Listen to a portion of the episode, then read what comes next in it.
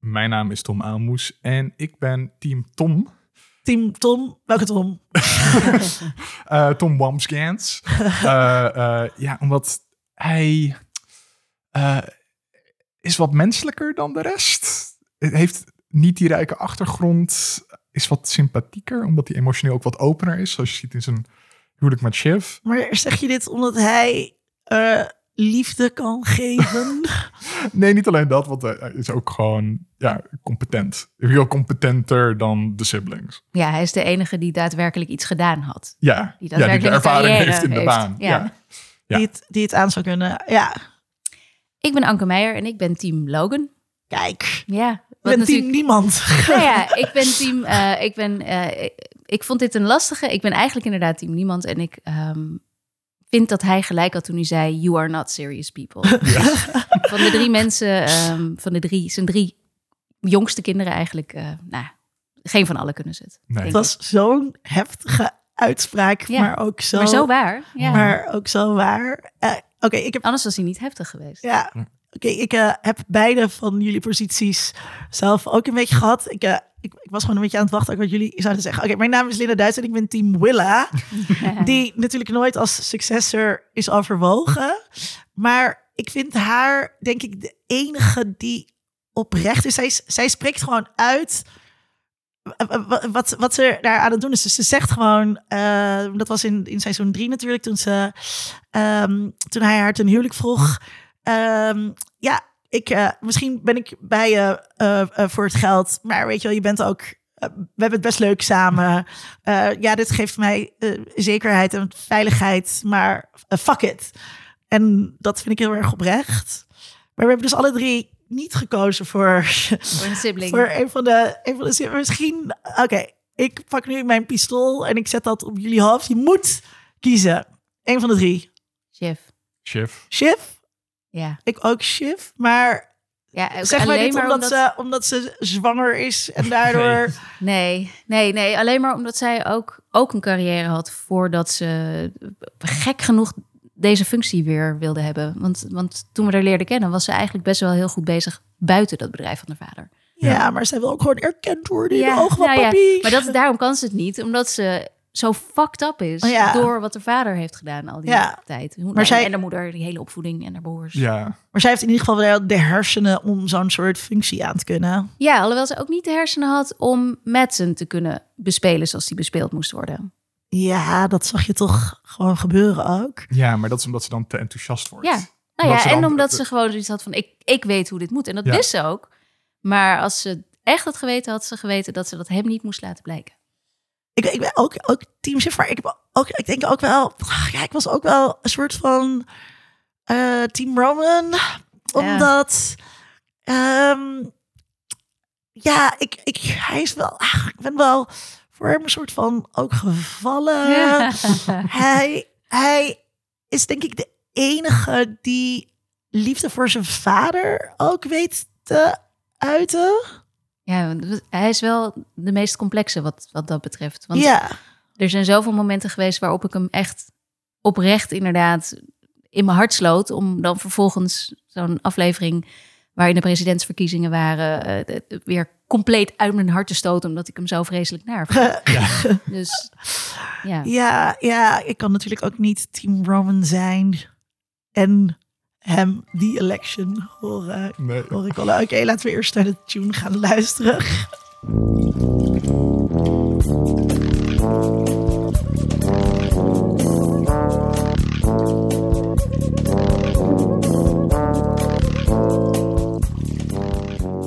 na de tunes uh, gaan we eerst altijd even de terugblik doen. Maar niet voordat ik Anke uh, heb voorgesteld. Het is je eerste keer. Ja. Uh, ik heb al zo vaak gevraagd. Ja, mij. ik heb heel veel moeite gedaan om je binnen te harken. Want we wilden je heel graag. Ja. We wilden je heel graag uh, in de uh, podcast um, hebben. je bent journalist, gespecialiseerd, mag ik denk ik wel zeggen, in ja. televisie. Je hebt de fantastische nieuwsbrief I Like to Watch waar mensen zich op kunnen abonneren als ze I Like to Watch nieuwsbrief googelen. Ja, Substack erbij misschien. Ja. Ja, eh, waarin je één keer in de twee weken een hele mooie duiding geeft van wat er gaande is in televisieland. En daarbovenop krijgen mensen ook nog eens een keertje allemaal tips eh, Mhm. van eh, wat andere mensen willen kijken en wat jij graag wil kijken. Dus het is een goed gekozen naam. I like to watch. Eh, daarnaast kennen mensen je misschien van de eh, podcast Skip Intro, Ja. waarin jullie ook terugkijken eh, op televisie. En ik ken je eigenlijk al veel langer als, als televisiejournalist die schrijft voor allerlei verschillende titels. Voor L, voor ehm, NR, NRC toch? NRC, NRC, ja, ja. VPRO-gids. VPRO-gids, waar mensen je allemaal... L eh, eigenlijk niet meer, moet ik zeggen. ah, oké. Ja. Oh, dat zeg ik dan omdat je me daar dan wel eens voor geïnterviewd, ja. voor Ja, geïnterviewd ehm, had. Maar ja, je bent mijn favoriete televisiejournalist Hey, nou, in is Nederland. Ik ben heel blij dat je eh, eh, eindelijk uit Leersum eh, afgereisd Helemaal, bent ja. om hier bij ons te gast te zijn. Helemaal naar de grote stad. Helemaal naar de grote stad. Ehm, we sturen ook even liefst aan eh Natasja Viliers, die er vanavond bij zou zijn, maar ehm, wat helaas niet door kon gaan. Love you, Natasja.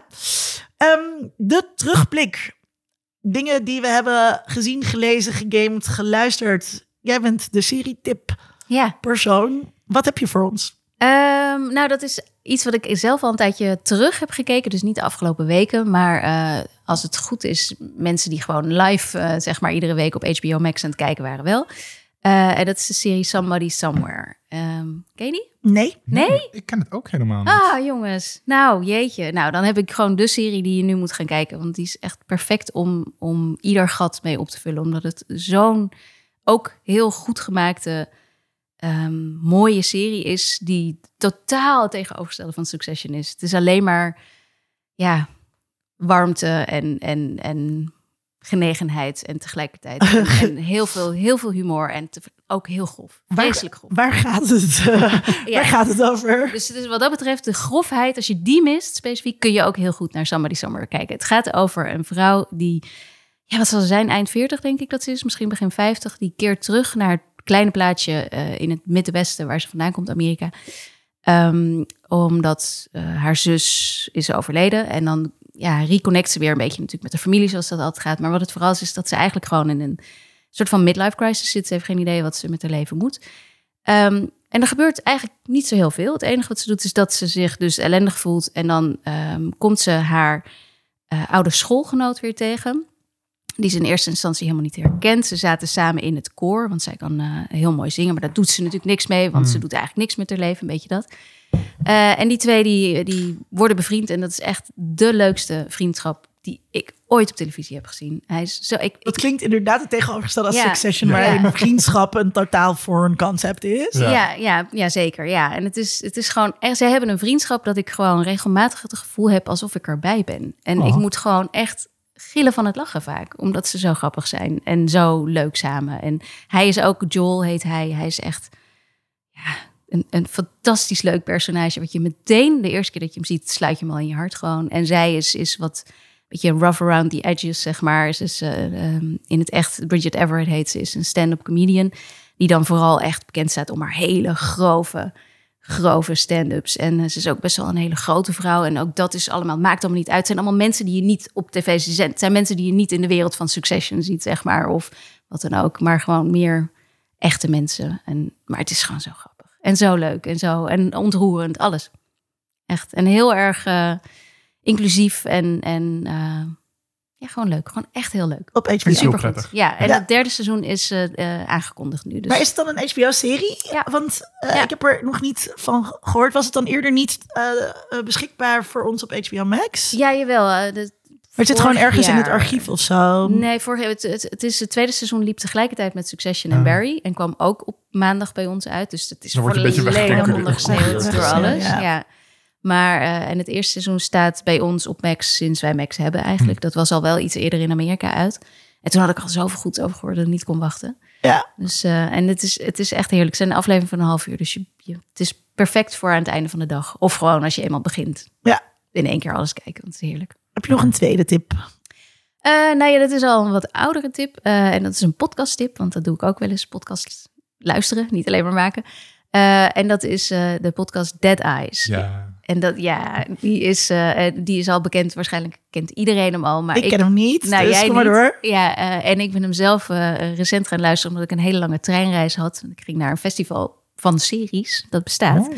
Ja, in Frankrijk. En toen moest ik heen en weer met de trein. En toen dacht ik, ja, nu moet ik toch wel iets hebben waarin ik gewoon een paar uren kan, me kan verliezen. Nou, dat was deze, was daar heel goed voor. En het gaat over een man, een acteur, die toen hij ehm, ergens in de twintig was, beginnend was, toen had hij een rol gekregen in de serie Band of Brothers. En eh, je weet al, die Tom Cruise, Steven Spielberg, ehm, HBO ook, eh, dat, dat Tweede Wereldoorlog drama.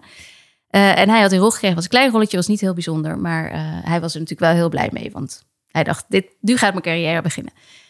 En toen werd hij opeens gebeld dat hij snel moest komen, omdat hij eh, eh, opnieuw auditie moest doen. En wel voor Tom, Cru- eh, Tom Cruise, hallo, Tom Hanks, die de ehm, aflevering waarin hij te zien zou zijn, zou regisseren.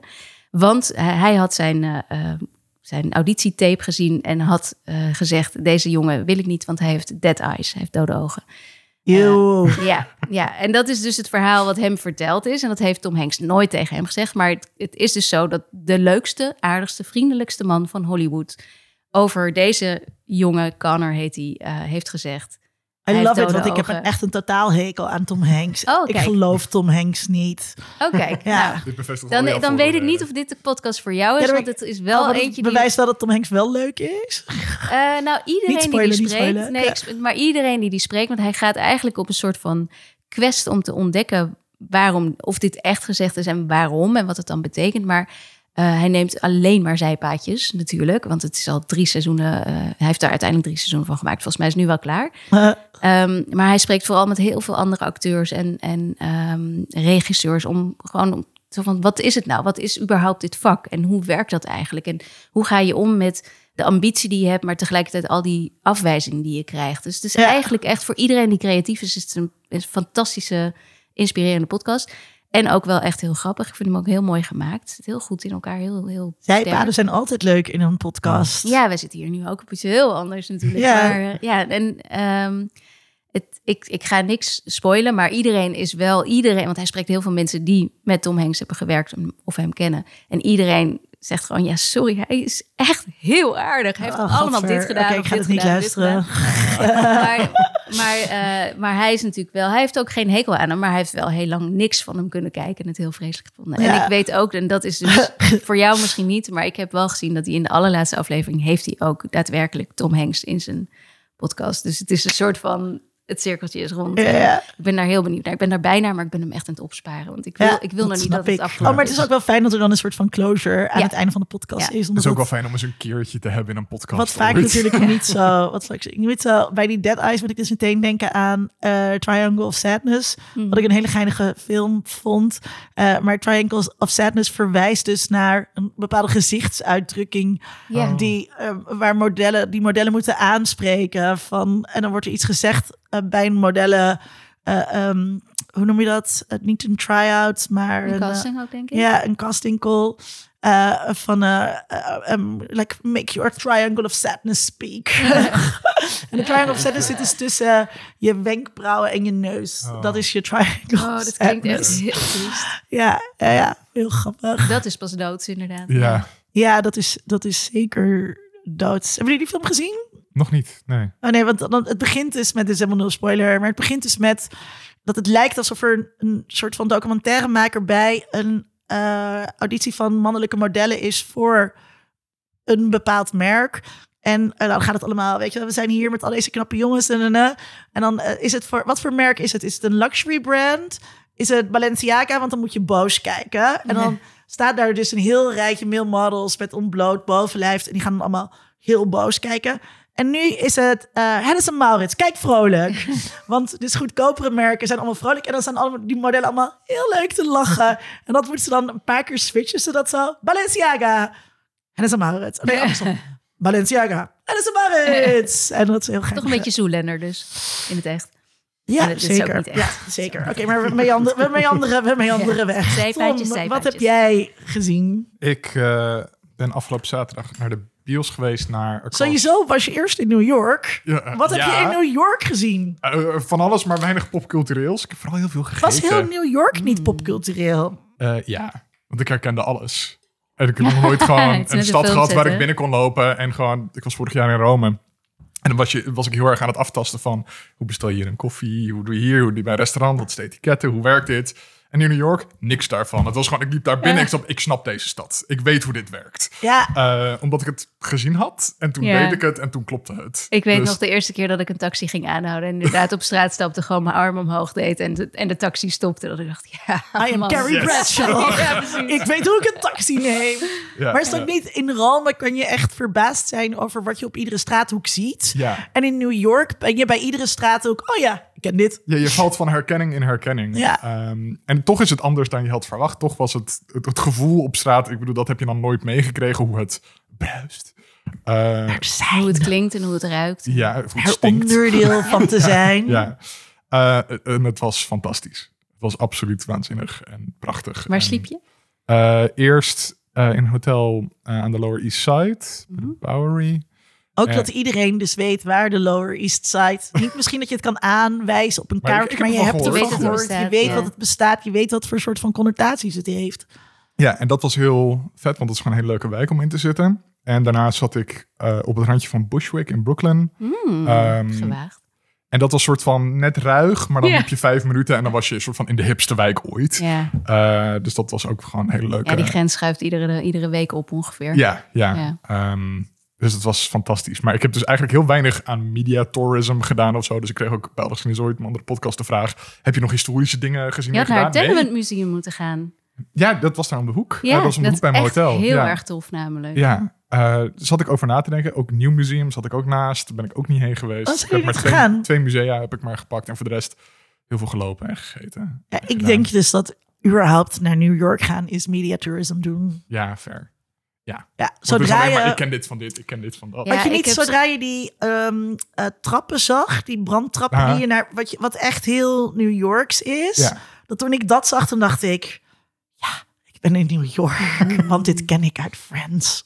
Ik had Ja, het- ik weet nog ja. wel dat wij een appartement met een brandtrap hadden. En dat- Oh, Ja, nu woon ik in New York. Ja, was wel in Brooklyn overigens, maar... Ja. ja, nog steeds. Het is een soort, eh, dat is geen media tourism, maar toch wel ook weer- living it, Ja, living, living the media tourism. Ik heb Ja. zoveel verhalen. Ik heb daar 4,5 jaar gewoond Ja. en ik heb daar zoveel verhalen over, inderdaad, televisieseries of films, alles wat zich in New York afspeelt moeten Ja. maken. Iedereen wil dat weten lezen. Iedereen wil dat, Ja. hè? Ja, zo gebonden. Maar goed, Tom, wat heb je gekeken? Eh, nou ja, Of ik, gelezen of gekend? Of... ik, ik kwam terug uit New York. Ik was totaal jetlagged. En ik dacht, nou ja, laat ik gewoon op zaterdag, eh, want ik kwam vrijdag terug. Dan ben ik gewoon nog moe. Laat ik dan naar Bios gaan, want ik wilde naar Across the Spider-Verse. Mm. Eh, om even in New York te blijven, want die speelt zich in Brooklyn eh, ook af. En eh, ik weet niet of het de jetlag was of dat het gewoon de film was. Ik heb de halve film met tranen in mijn ogen gezeten. Ach, Van plezier. Van ik kan niet geloven hoe leuk ik deze film nu vind.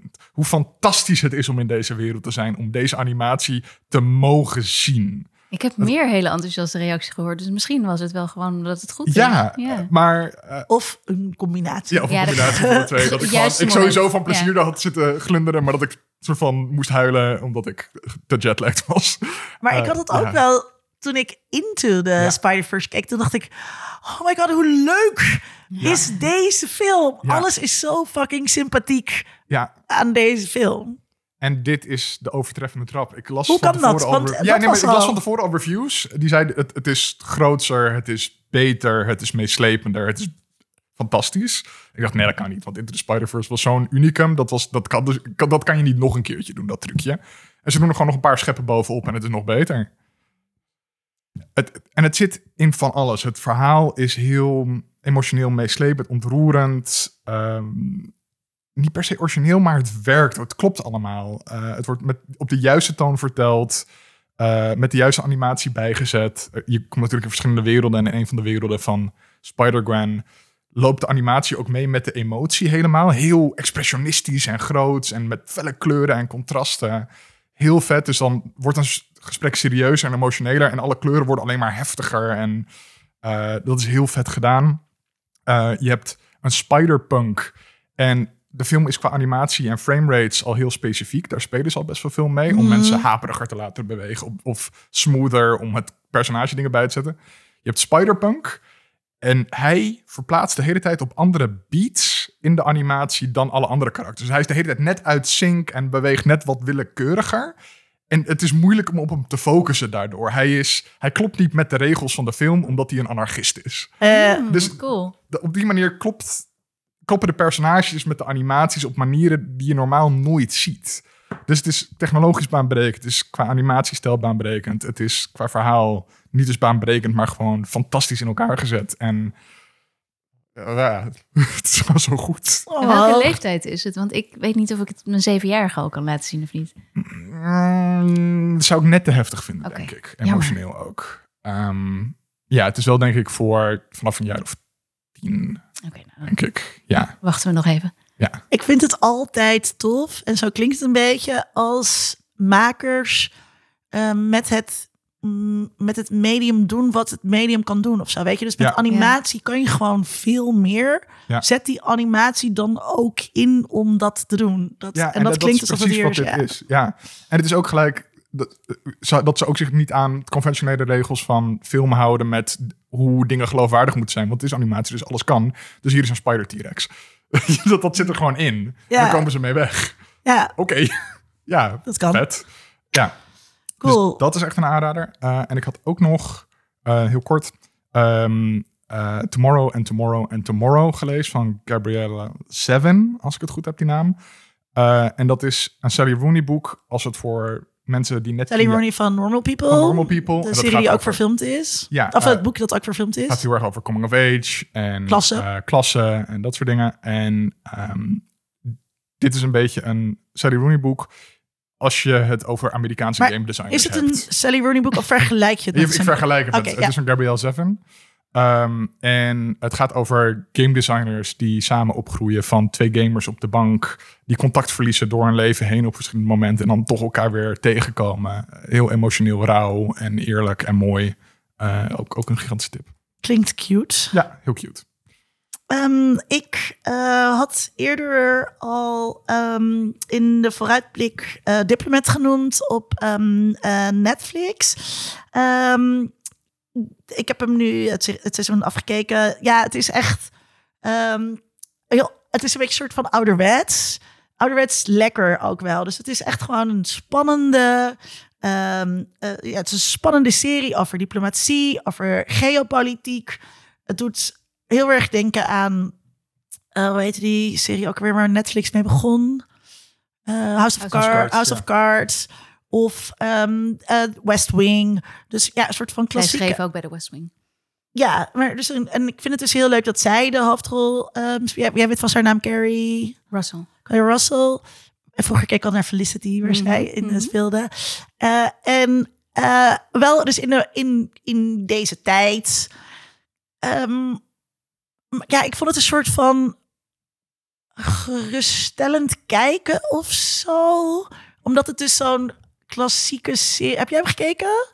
Eh, twee afleveringen en toen dacht ik, laat maar. Laat maar. Ja. ik snap ook dat je denkt, laat maar. Want het is dus iets wat we al kennen. Dus er zit, niet, er zit weinig vernieuwends aan. Maar ik vond het toch gewoon... Ja, ik, ik kon gewoon maar niet achterhalen wat nou precies het genre was. En misschien dat dat leuk had kunnen zijn, maar het irriteerde mij.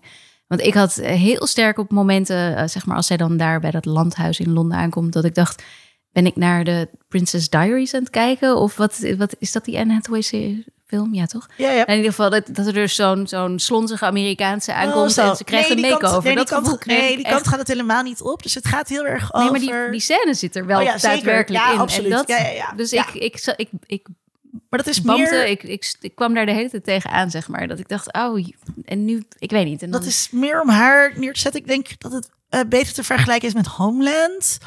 Ehm, waarin ook... ehm, eh, sorry, ik ben zo slecht met namen. eh, degene die daar in de hoofdrol speelt. Claire Danes. Claire Danes.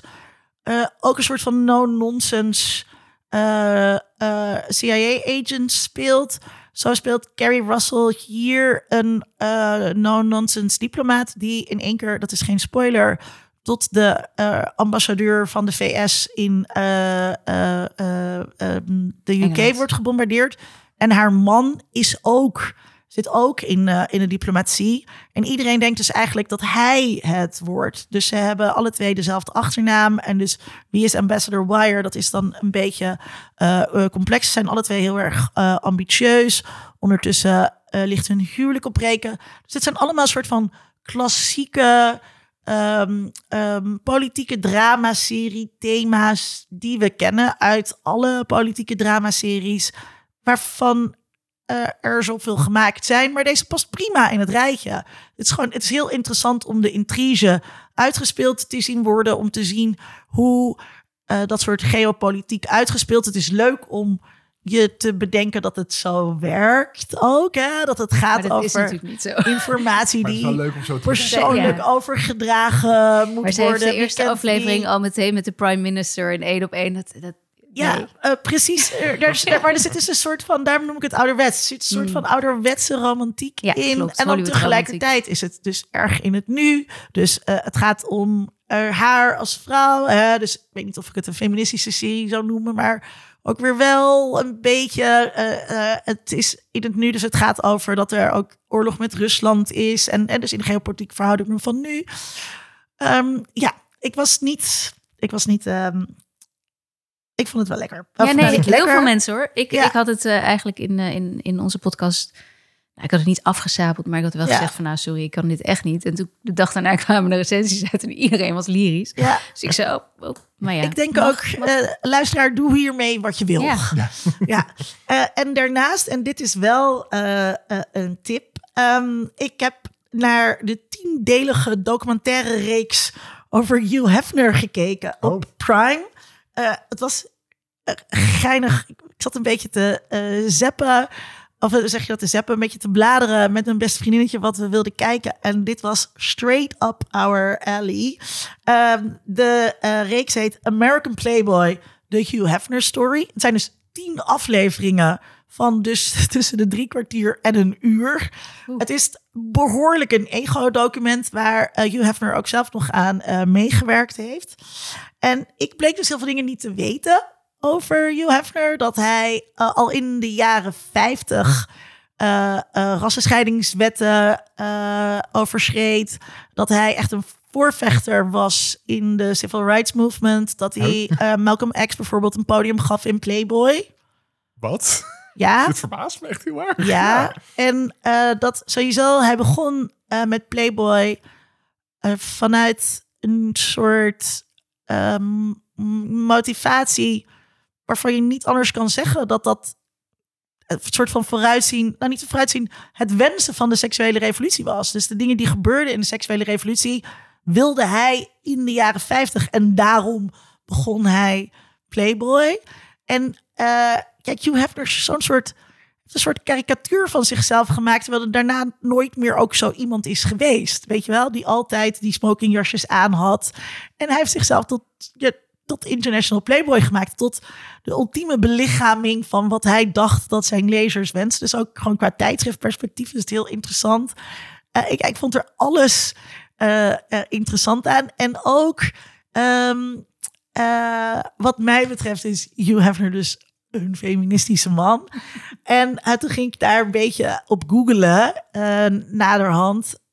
Want ik was eigenlijk wel benieuwd, is hij nou ooit betrokken geweest bij een soort van MeToo-achtig schandaal, beschuldigd van grensoverschrijding? Dat is hij nooit. Maar er waren wel natuurlijk heel veel boze feministen. Dus eh, Gloria Steinem, heel bekende feminist uit de, uit de Tweede Golf, is, eh, is undercover geweest in een Playboy-club, heeft daar gewerkt en schreef natuurlijk een ontzettend exposé over hè, de objectificatie van de vrouwen die daar werkten.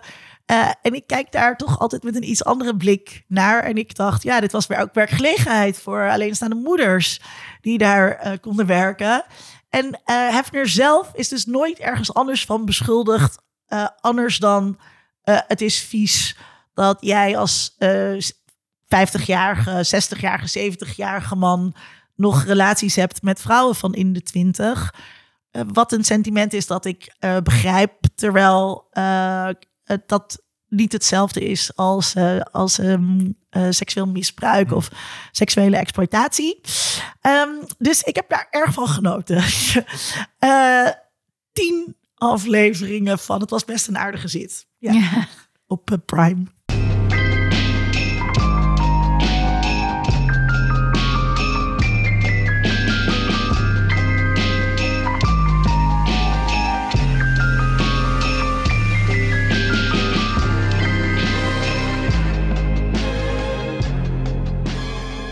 Succession seizoen 4. Ik weet nog, Tom, dat wij hiernaar vooruitblikten. Ik weet niet meer met wie dat was. Maar dat we eigenlijk een beetje zaten. We hopen gewoon. Oh, spoilers, spoilers. We Ja, spreken het met spoilers. Ja. We hopen gewoon dat hij doodgaat. Want stel je voor dat er nog een seizoen 5 komt. We waren helemaal niet zo enthousiast toen seizoen Nee, 4 was nou, aangekondigd. We, we- we- we waren wel enthousiast, maar precies wat je zei. Het was... ehm, ze moeten er nu een einde aan gaan breien. Want we kunnen niet nog een seizoen hebben met... Oh, maar deze sibling komt op. Maar brandt dan toch weer af. Omdat Logan dan toch weer zit van... Ik ga het toch weer zelf doen. we konden niet Dat nog hadden een we drie keer... seizoenen Ja. eigenlijk gehad. En daar moest gewoon een punt achter. En Ik die had- punt is er. ik had echt, ik ging met best wel een soort van, oké, het moet of zo, vibes het seizoen in. En toen gebeurde er, hoe, hoe was het voor jou, Anke?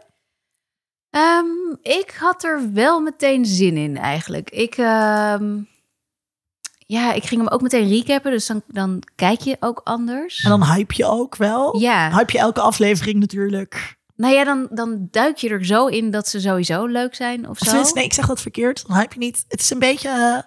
eh, eh, ik denk als je, als je elke aflevering recapt, dan zit je eh, te praten met andere mensen die de serie graag kijken. En dan ga je automatisch Ja, je heel net als dat je Ja, harder ja. moet lachen als je in de bioscoop samen kijkt, Ja, eh, zit je lekkerder in de serie als je elke aflevering recapt. Dat bedoelde ik. Ja, ja, sorry. precies. Dat maakt het sowieso nog leuker. Maar ik, ik had er ook gewoon sowieso wel zin in. Juist omdat Jesse Armstrong, de schrijver, had gezegd dat dit het laatste seizoen zou zijn. Eh, vanaf dat moment dacht ik eigenlijk, oké, nu, nu gaan we een wedstrijd spelen, zeg maar. Nu wordt het, nu wordt het menens. En Ik, ja, ik vond het eigenlijk ook, het, ik vond het vorig seizoen goed. Seizoen 2 goed. Seizoen 1 was tweede helft eigenlijk. Ik, ik was gewoon, ik was niet zo enthousiast aan het begin van de serie. Weet ik nog heel goed. Dat, Wat dan? nou ja, ik, eh, de- nu ga ik een beetje pochen, maar eh, ik, ik heb ze toen geïnterviewd. Ehm, Oh, Ja. ik nog geen... Maar toen kreeg ik dus van tevoren En wie zijn, wie zijn ze? eh, Jesse Armstrong, ehm, ehm, eh, hoe heet die? Eh, Kendall? Nu ben ik even... Oh, god. Mij moet je De niet method actor, method actors. Eh, Ja, Jeremy Strong. Jeremy Strong. Ehm, ik heb eh, nu, nee, ik ga even gewoon de, de personage noemen, want anders Ja, dat is blijf ik hangen bij de. eh, ik heb Connor, eh, Roman en eh, Logan en Marcia geïnterviewd toen. Ja, dat waren ze. Eh, en Logan, dus Brian Cox. Mag ik heb je ik- aanraken? Ja hoor. Brian Cox heb ik recent ook nog. eh, Oh. Oh, echt? ja. Oh my god. Ja. Ja. Dus, eh, ehm, en dat was nog voordat dat we allemaal wisten dat hij dood zou gaan. En toen was hij helemaal zo, ja hoor, ik ben heel blij dat het eh, klaar is, want ik heb wel genoeg fuck-ups gezegd. maar eh, toen, wat was het, vijf jaar geleden, toen kregen we dus maar vijf afleveringen voordat we die interviews konden doen. Want meer was er nog niet beschikbaar. Bij seizoen 1 toen. Ja, bij seizoen 1. En toen weet ik nog wel dat ik dacht, ja, weet je, het is allemaal, het is goed. Het is, er was niks slechts aan, maar moet ik echt om deze mensen gaan geven? Moet ik hier, wat, wat, Hmm. wat moet ik hiermee? Volgens mij vind ik het niet zo leuk. Volgens mij vind ik ze niet zo leuk eigenlijk, Ja. vooral zeg maar.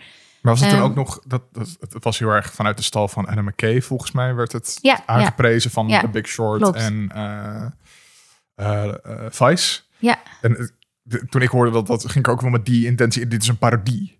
ja, Ehm, ja en dat was, een- dat was heel lang een beetje onduidelijk. Ja. Moeten, we, moeten we inderdaad met ze meeleven of moeten we om ze lachen? Of, ik wist het gewoon niet. En ik vond ze te naar. Ik weet in die eerste aflevering dat Roman dan dat kind eh, Oh, ja. een miljoen dollar aanbiedt als hij een home run slaat, geloof Ja. ik. En dat doet hij dan vervolgens. En dan verscheurt hij die check voor zijn neus eh, in stukjes, zeg maar. Ja. Zoiets gebeurt er. En En dan moet direct een, een, een, een bloknoot met een NDA. Wordt ja, dan wordt er meteen een. NDA voor zijn neus geschoven. Wat toen wel heel grappig was, want dat, dat was geschreven voordat Trump eh, überhaupt de aankondiging had gedaan dat hij president zou Ah. willen worden.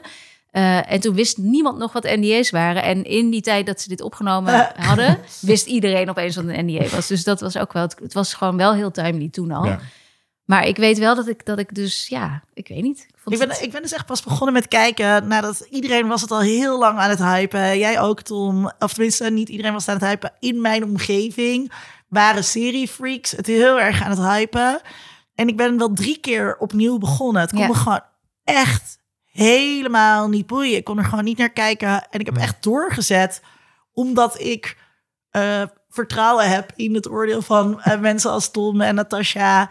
Die, nee, nee, dit moet je echt kijken. Dus nog weer een keer proberen, nog weer een keer proberen. En het duurde ehm, heel lang voordat ik daarin kwam. En eh, toen ik dus eindelijk ging kijken, toen kwam ik denk ik eh, uit net toen seizoen drie ging beginnen. Ah, Dus voor mij is die kijkervaring Ah, ja. ook anders geweest. Want ik heb dus die heftigheid van moeten wa- wachten na de cliffhangers van het einde van de seizoenen. Heb ik nooit meegemaakt. Want ik was dus gewoon pas heel laat uh, to the game. Eh, in, het, in het algemeen, Tom, was jij. ehm, had, of had ik dat al gevraagd? Was je, was je blij met dit seizoen?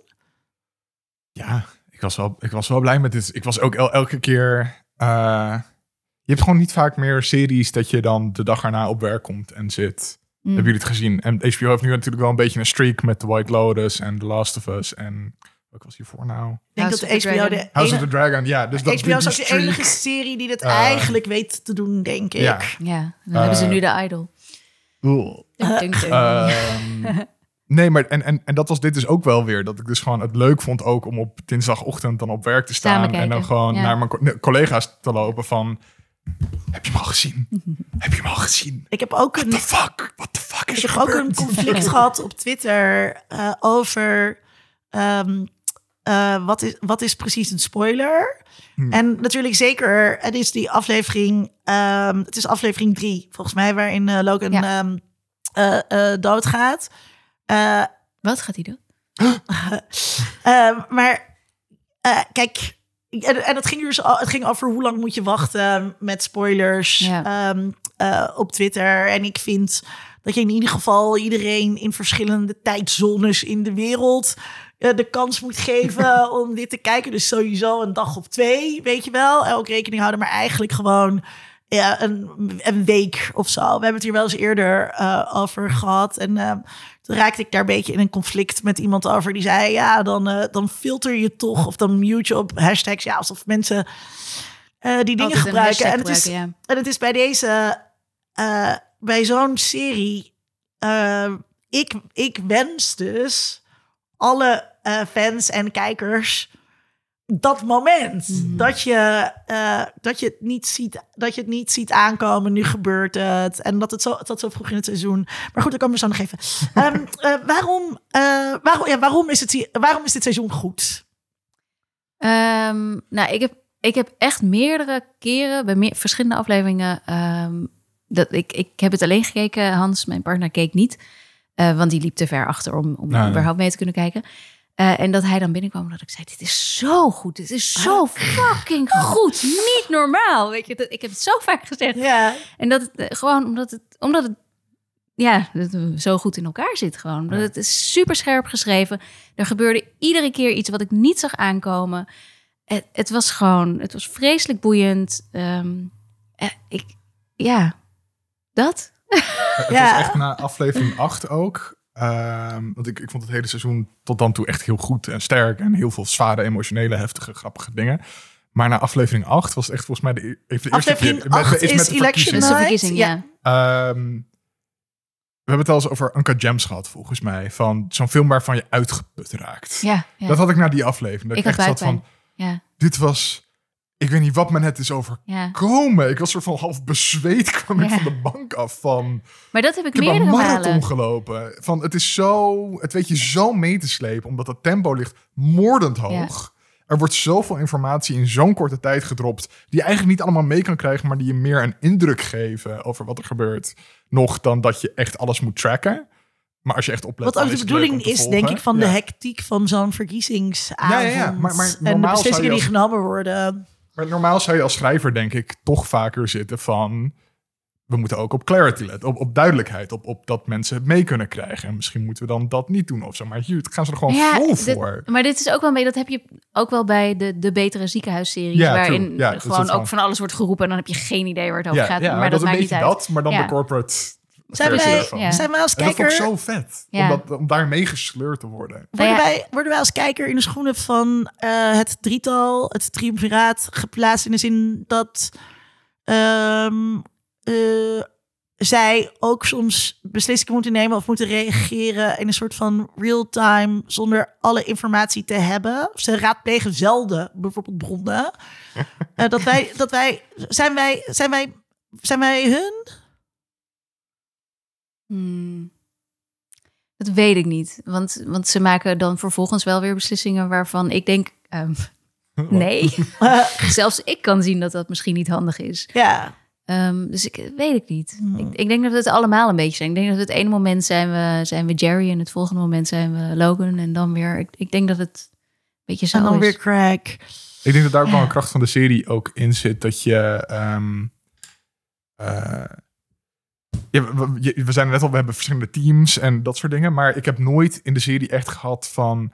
Ik ben alleen maar Kendall Nee. en alles wat Shift doet vind ik alleen maar kut. Omdat je genoeg van iedereen een beetje meekrijgt... om ze nog sympathiek ergens... of niet per se sympathiek, maar met ze mee te kunnen komen. Voor Ja, ze hadden allemaal momenten waarin je dus sympathie voor ze voelde. Ja. En dan de Vooral in het volgende... laatste seizoen, Ja. vond ik. Ja, dat, dat verschilde echt per aflevering ongeveer. En daarin hadden ze wat, wat ze hiervoor meer per seizoen hadden. Dat Hmm. dan de een zeg maar aan de top stond en de ander weer eh er vanaf gedonderd was. Dat was nu hier per aflevering ongeveer. Dan ging Kendall weer omhoog, dan ging Chip Ja. omhoog, dan ging Roman weer omhoog. Dus dat, het, de snelheid, ik vond dit seizoen absoluut het allerbeste seizoen. Oh, zeker, ik ook. Ja, omdat het zo snel ging en omdat er gewoon, ehm, omdat het het laatste seizoen was, dat er zo. De, de dingen die er eh, gebeurden waren, hadden echt impact.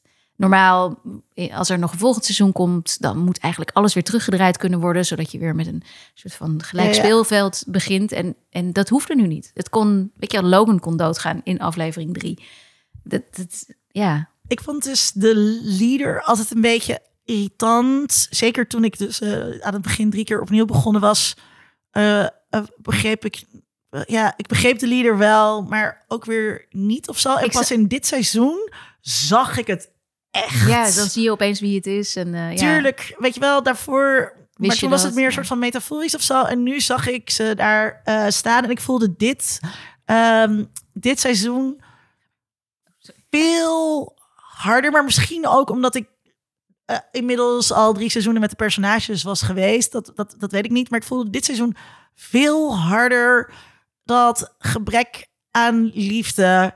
dat- Die, die onderlinge.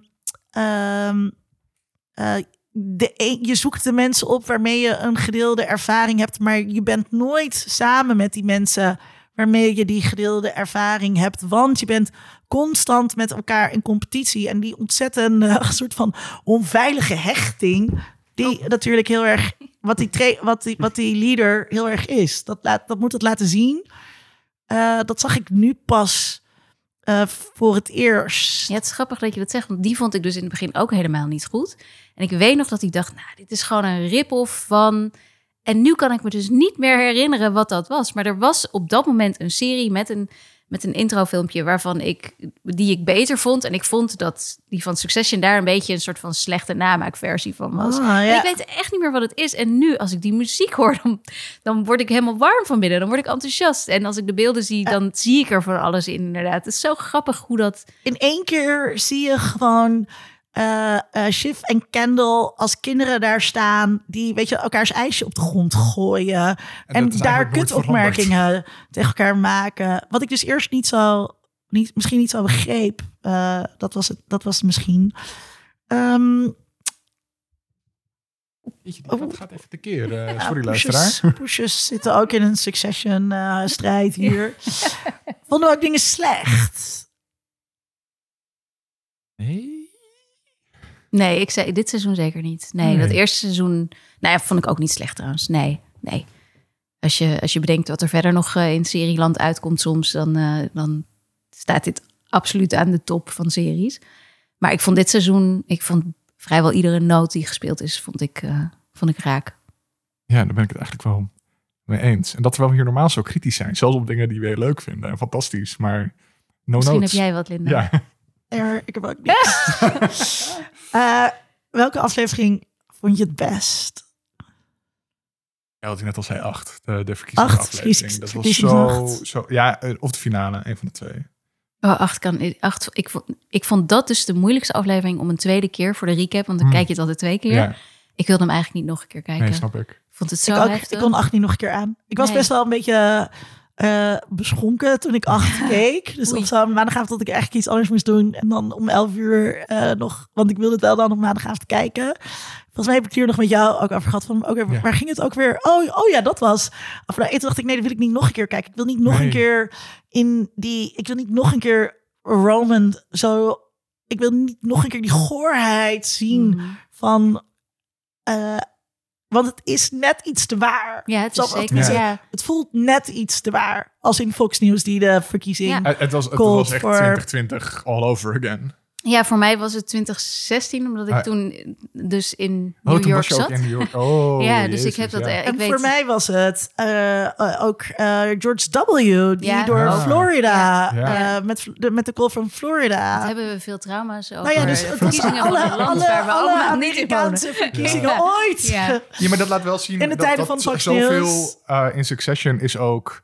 Zelfs heel veel grapjes zijn refereren aan iets dat echt gebeurd is... maar dan net anders verpakt om het in die Ja. wereld te doen. Nou ja, en vaak dus, wat ik net zei over die NDA, vaak van tevoren al, eh, ver van tevoren al geschreven. ja, dus het zit er het, zo Het, zit zo in de zeitgeist. Ja, ja. Ze, zitten er, ze zitten er eigenlijk zo bovenop dat het vaak uitkomt op het moment. Want, want ehm, wat was er nou in die week van, van aflevering 8? Was die town hall van CNN, geloof ik, Oh met ja, Trump. met dat ze Trump weer een platform hadden gegeven. Ja. En eh, ja, Ja, en nu ook dat die, die CNN-baas eh, Chris Light heet hij, geloof ik. ja, die is nu ontslagen. ja. ontslagen. Het zijn allemaal dat je denkt, hé, hey, dit is gewoon Succession, weet je wel. Mhm. Iedereen deelde vandaag ook allemaal foto's van Tom Wamsgans. Zo van, hier, dit kan de nieuwe CNN-baas wel worden. Maar ook eh, over um, Madsen en is het eh, Elon Musk Ja. of weet je waarvoor staat en- en hij? Dat, dat was ook heel ding met... zo dicht op. Ja.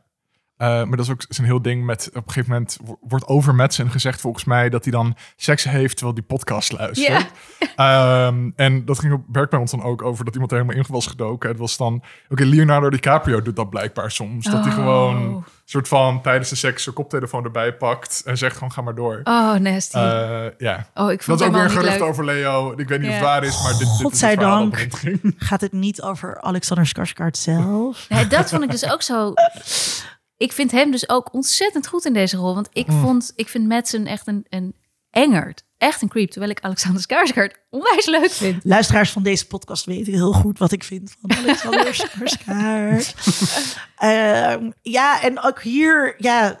eh, maar vond je hem als Madsen niet overtuigend creepy en naar?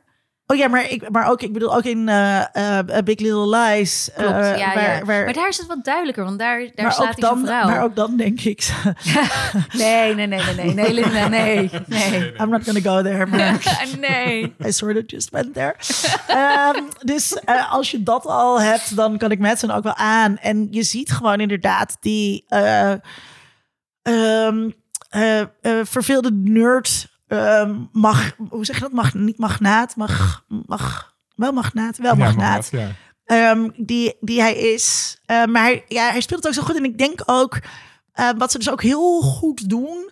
Ze hebben heel goed gevoel voor locatie. Dus ze doen Noorwegen. Of is het, is het? Noor- eh, De- Volgens mij gingen ze naar Noorwegen. Het Hij retreat is in. Noorwegen, Ja. maar zij zijn zij zijn, ja, precies. Ze doen dat doen ze gewoon heel goed. En ook, eh, er, dus op een gegeven moment maakte hij die grapjes vanuit ehm, eh, Europa. Zijn zij een beetje tegen elkaar aan? Dus Europa tegen de VS. Ik kan het niet even reproduceren, maar Hij, hij zegt, Het is- jullie zijn pas 50 jaar een democratie. Ja, ja, ja. Eh, eh, tenzij je zwarte mensen negeert. Wat sowieso een gewoonte van jullie is. Ja, en het is zo Wel waar, on. Ja. Hoe, ehm, hoe, dus echt, eh, hoe, ik weet niet of het eh, vooral Amerikaanse schrijvers zijn of dat zijn dus ook Europese schrijvers daarvoor ingevlogen. Succession zijn allemaal Britten. Ah, het zijn dan Britten? Britten. Ja. Kijk, want dat moet dus wel, want Er anders kan zitten je, waarschijnlijk wel wat Amerikanen in de schrijvers eh, want die- writers room, maar want dat Jesse doen ze Armstrong dus is zo- Brits. ja, dat doen ze zo eh, goed. Die Europese spot die we hebben voor Amerika, maar ook het ultieme Amerikaanse wat er wat erin zit. Ja, en ik vond eh, dus alles bij Madsen, zijn verveeldheid, ehm, eh, zijn, zijn Europeesheid dus ook, die, daar, die daarin zit. Alles was gewoon, ook daarin klopte, En de, klopte de het heel spelletjes goed. die hij met, met vooral de twee broertjes Maar ook speelt. met Shiv. Ja, maar ook met Shiv. Maar, eh, het verveling, hè? ja, maar echt Ja. uit verveling. Want dat zou hij met Logan nooit hebben gedaan. Logan nam die serieus. Ja. En deze. Terwijl dat is ook Nee. shitstorm. Dat is precies wat zij zelf ook hadden gedaan als zij niet zo bezig waren geweest met de, de Game of Thrones. Ja, Eh, maar, maar hij vindt ze belachelijk omdat ze alles serieus nemen. En hij vindt ze belachelijk. Hij maakt ook dat hele, die hele notie van een familiebedrijf Ja. eh, belachelijk. Ik kan er ook op Cousin Greg nog eens een keertje Ja. aanzetten. Wat natuurlijk ook belachelijk is. En wij hebben dan een sympathie gekregen voor die mensen. Maar ik zou daar normaal in het, in het, in het, in het normale leven zou ik daar ook heel erg tegen zijn. Tegen dat idee van, Greg van een dynastie. Ja. I love Greg the most. Ehm, maar Ja, er gaan wat verhalen over die acteur, waardoor ik, waardoor ik een Oh, beetje ja. gekleurd naar hem ben gaan kijken. Dat vind ik wat jammer. Maar dat hij... eh, niet, zo, niet zo cool is in het echt, zeg maar. Dat hij Ja. gewoon een beetje misbruik van zijn status maakt en jonge meisjes en dat soort dingen. Ach, Ja, sorry. Ach. Ja, misschien moeten we dit eruit knippen. Wat Dit een soort downer. dingen- Ja, dit dat soort dingen wil ik ook niet, Ik, ik, had, ik was dus heel... ehm, ik, in New York, het hotel waar wij zaten... zat om de hoek bij een bar. En daar had ik al van gelezen, oh, dat is een leuke bar. En je kan er ook Succession kijken eh, op zondagavond. Wat heel gek is, want dat mag eigenlijk nooit... want dan moet je die uitzendrechten hebben. Dus dat was zo van weird. Eh, maar we zaten uiteindelijk... eh, gingen we toen naar de Airbnb op zondag. Dus we- daar konden we het gelukkig op Max kijken, op de maar tv moet je dan daar. de uitzendrechten hebben? Ook als je, Ja, als je een ja. sportsgame uitzendt in een sportsbar. Ja, ja, ja. Maar eh, toen kwamen we dus later achter dat dat de bar was van Cousin Greg. En dat ze daar dus die zondag ook een viewing party hadden. Daarom met had hij de rechten. mensen van Dus dat, we Oh, zaten fuck. daarnaast en we zijn er niet geweest. What the fuck? Maar jullie hebben het Eh, niet gedaan. Nee, dus uiteindelijk... eh want we hadden... Fucking losers toch? Nee, we hadden iets anders die avond What the uiteindelijk. fuck is wrong with you, Maar denk, Greg? denk je niet dat hij dat meteen had gezegd al aan het begin van deze podcast? Ja, dan had ik gezegd van, weet je, met, met I- wie ik de, Sorry, de aflevering heb Tom, I have gekeken. three little Tomsters walking around here. Dat is ook maar- nog steeds een van mijn favoriete zinnen uit de serie. You, you can't make a omelet without breaking a few Ja, Gregs. ja, ja. Love Ja, it. en dus nu in het laatste seizoen zegt eh, Tom dus iets van... eh, I have three little Greglets Ja, Greglets, ja. walking around. Ehm, dus voor jullie alle twee acht? Ja, als Of heb beste. ik het nou alleen aan jou gevraagd? Nee, Oh ja. Ja. nee, acht kreeg ik buikpijn van. Oh ja, Oh ja, klopt. Oké, wat, is jouw- wat is jouw favoriete Ehm, aflevering? Negen. Negen. Oh. Ja, Oh, wat dan? Ik, vond hem, ik vond hem zo overweldigend. Ik bedoel, ik, bij, bij aflevering drie heb ik ook eh, eh, als een idioot zitten huilen. Zo Hmm. emotioneel werd ik ervan. Eh, om negen uur 's ochtends, omdat ik dus de recap moest opnemen. Dus ik moest meteen 's ochtends kijken. Want dit was dus een aflevering waarvoor we geen screeners vooraf kregen. Ehm, begrijpelijk. Hm. Maar bij aflevering 8, ja, had ik ook. Ik ging ook door die hele rollercoaster heen. En waar ik, wat ik vooral zo bijzonder vond, is dat ik echt een oprechte hekel aan Roman had gekregen de aflevering daarvoor. En dat op het moment dat hij, dat hij breekt, omdat hij zijn vader in die kist ziet, of tenminste, hij ziet de kist van zijn vader en dat hij, dat hij compleet breekt en dat het ook fantastisch door Kieran Culkin gespeeld wordt. Mm.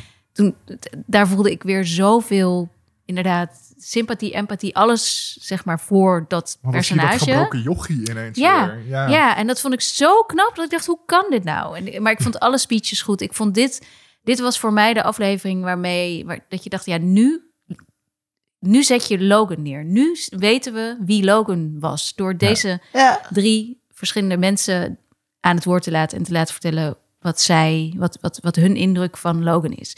En dat, dat verhaal over dat ze in het ruim van een schip moesten, drie dagen lang stil moesten liggen, omdat ze anders door een U-boot geraakt zouden worden. En weet je, van, en van de polio met zijn zusje. En nou ja, weet je, ik was echt, ik was, ik was helemaal los. En dan vervolgens gaan ze naar het mausoleum daar op het, op het begraafplaats. En dan heb je al die grapjes en die dingetjes. Ik vond het, ik vond het echt. En het eindigt dan weer met een soort van bad candle Ja. die, eh, die, die, die zijn slag wil gaan slaan. Nee, ik, ik vond alles zo goed in deze ik vond aflevering. het ook echt een hele, ook die, ook die van jou, eh, maar ook, ook dit een hele fantastische aflevering, omdat je, ehm, je ziet hoe moeilijk het is voor Roman om te breken bij eh, zijn broers en zussen, omdat zij nooit lief zijn voor elkaar. En weet je wel, en dan, maar dan breek je alsnog. En ze kunnen dat ook helemaal niet opvangen. En ze moeten dan toch zeggen, it's okay. Terwijl ze het eigenlijk ook weer niet oké vinden. Nee, want dan moet iemand, ze vinden het een zwaktebod en dan moet iemand anders daar gaan staan en dat willen ze ook. Eh, eh, geen wil dat eigenlijk doen. En ze zitten allemaal, this can't be it. Volgens mij zeggen ze ook zoiets Ja. van, weet je wel, we moeten, we moeten een tegenverhaal houden tegen het verhaal van, van de broer. Eh, terwijl ze ondertussen, het verhaal dat ze willen houden is een kut verhaal. En dat, ah, die spanningen die daar allemaal zitten, die laten ze heel goed zien. En ja, dit was wel ook een aflevering waarvan ik ja, een soort van team Roman werd, ook al is hij zo kut. Ja, en ik vond het heel sterk dat je soms krijg je die glimpsen van Kendall zoals hij misschien had kunnen zijn als hij zijn shit bij elkaar had. En dat was in deze Als aflevering. zijn ook vader niet op zijn zevende Ja. had verteld, jij Ja. wordt mijn opvolger. Ja. Eh, zonder zijn entitlement. Van dat hij ergens iets in hem heeft. Iets van charisma. Iets van kundigheid. Ja, Maar, dat, ja. maar er gewoon niks mee Hij is heel te goed doen. in spontane speeches, hadden Ja, we al ja. bij, bij Living Plus natuurlijk ook Oh, gemerkt. Maar dat, dat deed hij echt bijzonder Ook, goed. maar ook aan Ja. het begin, want ik, ik keek, ik keek Dat is- dat is misschien als je dan de zegt- 100, als hij de 100 pro- probeert te verkopen, dan zit hij, weet je wel, ehm, Oh, ja. it's, it's everything from Israel, Palestine to AI. Het is dit gemengd Ja. met dit, het is dat. Hij Facebook, gooit alle Yorker en- buzztermen Ja, eh, ja, bij ja, elkaar. ja, ja. Ja. Maar Ja. dat is misschien het enige, als je dan zegt slecht, dat, dat is misschien het enige wat ik. ehm, nou, dat vind ik ook niet slecht. Het is gewoon de vrijheid die ze mogen nemen met het verhaal, hoe ze het willen vertellen. Maar het feit dat Kendall eigenlijk zo'n ja, bumbling idiot, eh, zouden ze in Engeland zeggen. Hoe zeg je dat in het Nederlands? Dat, dat hij gewoon eigenlijk niet uit zijn woorden kan komen wanneer hij een normaal Mhm. gesprek heeft met mensen. Hij, hij, hij kan echt geen zin normaal Nee. uitspreken. Nee, maar ik heb ook wel eens, dus ik, ik kom ook wel eens op plekken waar ze dan zo'n eh trendwatcher, een soort van futuroloog hebben ingehuurd, die dan eh, vier keer zoveel geld krijgt als ik. Echt serieus, want dat vraag ik wel eens na. En, eh, en die praten zo. Serieus, die praten. Ja, maar ook als ze op het podium staan. Ja, juist als ze op het, op, op het podium praten ze zo. Dus dan, eh, dan krijg je... Maar Kendall is dus zodra hij dan op zo'n podium staat, heeft hij de ene prachtige volzin na de andere en weet hij alle emoties te raken, te, spontaan, hè? Dus hij is niet, ja, is niet. en naar de hand zijn ze altijd weg. Want je kan nooit daarna een gesprek met deze mensen Ja, voeren. want het gesprek daarna is zo... um, yeah, guys, so the way I see it is... First we go uh, crypto Ja. and then... uh, maar Oké, Ja, dus het dit is heel realistisch, zeg jij eigenlijk. Ja, daarom vind ik Oh, dat ook zo fascinerend om naar te kijken. Omdat dus heel veel mensen daarin Maar die hebben toch wel getraind dan? Dit is er niet dat, dat, dat ze dat zo spontaan doen, zoals, zoals Kendall, gewoon even op dat podium lopen en er een spontaan ding van maken. Ja, maar hij, ik denk dan altijd dat heeft Kendall ook nog wel een beetje geoefend of zo. Maar Ja, ja, nee, die hebben nou. dat. Ja, dus dat hebben misschien een meer getraind praatje. En dat, nou, dat staat eigenlijk wel in het, in het voordeel van Kendall wijzen dat hij het zo'n beetje zo uit zijn mouw schudt. Er zit ook zo'n moment in, dan heeft hij het over. Ze zitten te denken wat ze dan met hun eh, met ETN gaan doen. En dan eh, zegt hij Africa Today. Gewoon even, wat gebeurt er in Afrika nu allemaal? Gewoon ehm, in de Maghreb, eh, Sub-Sahara East, Sub-Sahara West. I would watch it. Homework, the program. Homework, de program, zegt Sif dan. Was, als hij het verkoopt, dan denk ik, ah, Klinkt goed. Ja, nee, nee. Ik zou willen dat het er was en dat, dat we allemaal keken. ik, ik, ik, zou denk de dan wereld meteen, beter ik denk dan maar- meteen Ja, Wired, Wired. Ja. Wired gaat dat doen. Die doen dan elke week ook een rubriekje Tech Africa. Wat er gaande is. Ik vond ehm, eh, het lastig om te eh, kiezen. Eh, ik vond ehm, eh, de derde aflevering waarin ze dus horen krijgen ehm, wat er gebeurt. Vond ik heel vet, omdat het, het is zo insane goed geacteerd. Al die gezichtsuitdrukkingen van onze eh triumviraat zijn. eh, ja, ja, dat vond ik zo geweldig gedaan. Ik dacht trouwens eerst toen ik het aan het kijken was dat, dat Logan een grapje met ze aan het uithalen was, omdat we nergens Logan dood zien Mm. Dacht ik, eh he's playing them. Omdat ze natuurlijk een best wel heftig einde hadden gehad eh, in de karaokebar. Ja, you're not Ja. serious Ehm, people. Eh, had, het, had het me niet aan Logan-like geleken om zijn eigen dead hier te faken en te zien wat ze allemaal tegen hem zouden zeggen aan de telefoon. Dus daar was ik de eerste keer dat ik hem keek, zat ik in die vibe van het is niet echt. Ehm, ehm, dus Ik denk dat dat heel bewust is, want ik, dat is natuurlijk ook hoe het voelt wanneer je het te horen krijgt. Ja. via de je telefoon. moet die, je moet die onzekerheid Want eh, door- niet doorleven. gelijk. Nee. Nee, en het is ook niet meteen hopen, dat het niet zo, en- dat, Ja. ze hopen dat hij nog leeft natuurlijk. Maar ze zijn niet zozeer wantrouwend naar Nee, Tom nee, nee, maar dat, meer- dit een, dat, dit een, dat dit een grap zou zijn of een, of een trick. Ja, maar Roman zit heel erg van, hij kan niet dood zijn.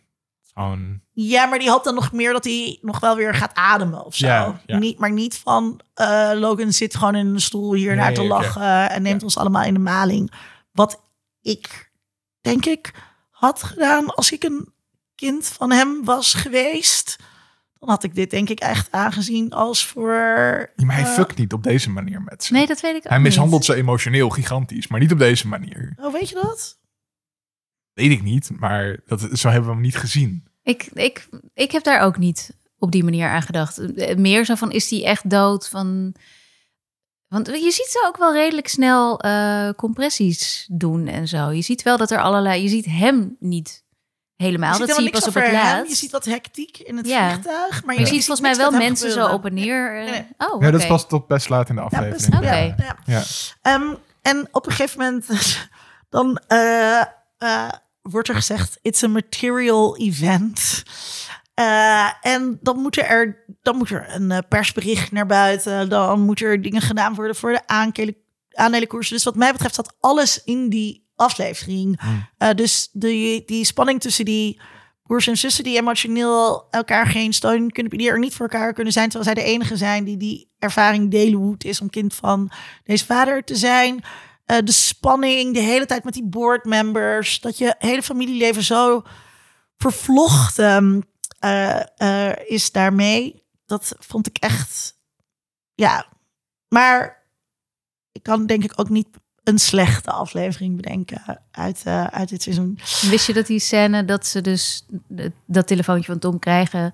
dat dat in één take is opgenomen, 20 minuten lang? Oh, nee, dat, dat doen ze wel vaker. Dan hebben ze meerdere, op meerdere plekken camera's min of meer verdacht opgesteld, zeg maar. Zodat ze het helemaal... Het is, het is de helft van de tijd een soort van toneelstuk wat er wordt opgevoerd. Ik denk dat het ook goed is. Ja, want de, ze kunnen helemaal... Ik geloof dat dit ook wel de eerste take was, maar ook de acteurs kunnen daarin helemaal hun eigen beslissingen nemen. En daarom zie je ook bijna bij alle scènes, dan zie je bijvoorbeeld Roman op de achtergrond zitten en dan is hij niet scherp in beeld, maar dan zie je wel dat hij dingen aan het doen Ja. is. Dus dan is hij niet Ja. een wat je in normale series hebt, is dat dan een van de hoofdpersonen niet in beeld zou zijn. Die zou dan gewoon weg zijn. Ja. Maar hier zijn ze de hele tijd zijn ze ook in beeld, omdat het gewoon ook doorloopt. Of in ieder geval zo, zo nemen ze het op, zeg maar. Of En zo de voelt cameravoering heeft sowieso iets documentaires, documentaire achter. Ja. Dus we zien heel vaak een soort van zoom, zoom. Ja, ja. eh, Ja. Zoom, zoom in op Kendall Ook dat vond ik in het moment. begin, weet ik nog wel, dat, dat was ook een van die dingen dat ik dacht, wat is het nou inderdaad? Ja, maar dat is heel erg office-achtig. Ja,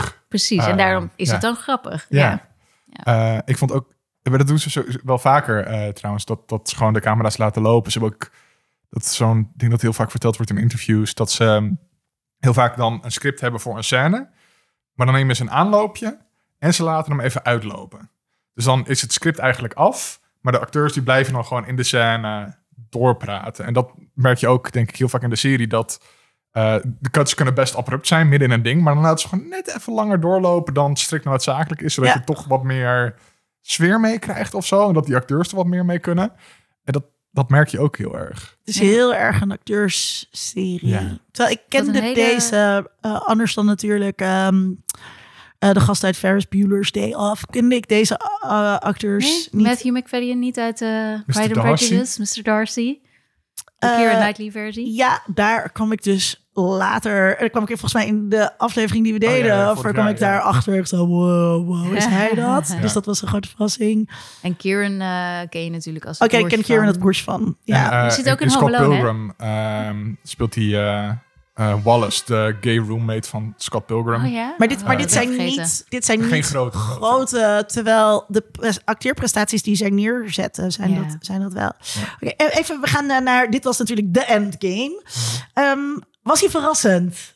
De Ja. finale. Ja. Nee, niet de finale. Oh. Dat is het tweede laatste Oh, blokje oké. in, het, eh, in het. Nee, de- deze serie is de, de, de endgame. De, de strijd om de successie. Dus Mhm. niet zozeer de eh, laatste aflevering als wel het eindspel. Logan is dood. En nu? En nu, nu begint het echt. Hoe vonden jullie dat de broers en zus? Ja, dat- we hebben geen mooie woord voor siblings, hè? Zo, Ja, dat is heel, heel Ja. jammer, vind ik dat. Ja. Ja. Ehm, ik eh, eh, vond het heel grappig dat je dan... Het is, een soort natuurlijke formatie, een soort van eh, Kendall Roman tegenover Shiv. Omdat zij ook best wel anders in dingen staan. Dat klopt. Ook vorig seizoen natuurlijk. Ehm, Eh, en ook gewoon aan het begin dat eh Shiv natuurlijk aan de buitenkant was. en die andere twee erin, volgens mij. Ook, ook Roman al. Maar dat eigenlijk gelijk na Logan's dood, Kendall gewoon zit van... Oké, maar begin gerust, geruchten te verspreiden over Logan dat hij een lul was. Gewoon gelijk. Gewoon het eerste wat Kendall doet is gewoon... Ja, ja, ik ga samen met Roman deze shit runnen en shift. Tuurlijk houden we je in de loop. Het komt allemaal goed. Yeah, yeah, Ja, yeah. dat- Ik ga jullie allemaal vermoorden. Ja, vanaf het moment Ja. dat ze de co-CEO's eh, waren, was Ja. Shiv eh, sowieso... eh, Ja, er was, was shift eruit. ja. Eh, maar, maar dat was stap 1 voor Kendall. Want eh Rome moest er natuurlijk moest ook, ook uit. ja. Dan ehm, ehm, eh, ziet Shiv haar eh, kans gewoon met eh Madsen. Eh, wat een beetje een soort van domme zet was, denk ik altijd. Want er, het was... Om, daar, je was sowieso al je familie aan het verraden. Alleen maar een beetje omdat je nooit met ze eh, was. Maar je had veel eerder zekerheden daarover moeten verkrijgen. Ja, is niet slim gespeeld. Nee. Nee. Nee, maar ook zij is not serious people. Ja, en heel slim van Madsen, die gewoon... Net als weet Eh, dat zij not serious people zijn. Ja, Ja, maar, maar nou, ook, dat ook is- wat, wat, wat Logan altijd deed was... Aha, Ja, op een vraag. Ja. Aha. maar dat, En precies, mensen En doen dat, ook. En Madsen doet ook... Aha. dat is het enige wat, een van de weinige dingen waarvan ik heel veel mensen het goed heb zien gokken, is dat eh Madsen niet Shiv als Ja. die American CEO zou nemen, omdat hij dan zegt, omdat hij niet zegt, ja jij in aflevering 8 is, of 9 volgens mij, Ja. dat hij niet zegt jij mag het worden, maar oh ja een American CEO, Hmm. dat is een goed plan. En dat, dat was een van de weinige dingen, omdat ik verder vond ik dit niet te voorspellen. Ehm, maar die, waarvan ik zag dat heel veel Ja. mensen hem goed hadden. Ik zag, ik, maar ik, ja, ik zag dat ook wel. Ook gewoon eh, vanuit die. Dat verschil toch dat er is tussen Europeanen en Amerikanen. En het dédain dat hij had voor die hele notie van eh, familieopvolging. Ja.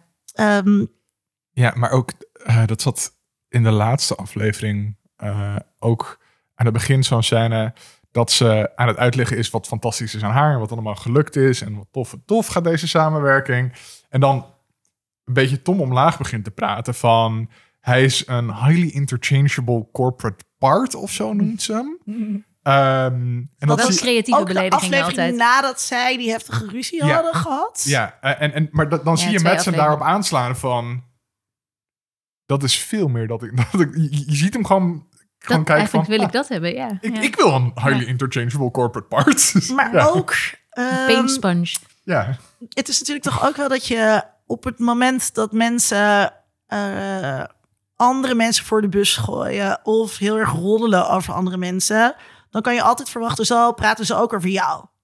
Weet je wel? Eh, dus dit is de loyaliteit die je hebt naar je man van wie je volgens mij toch nu ook weer zwanger bent.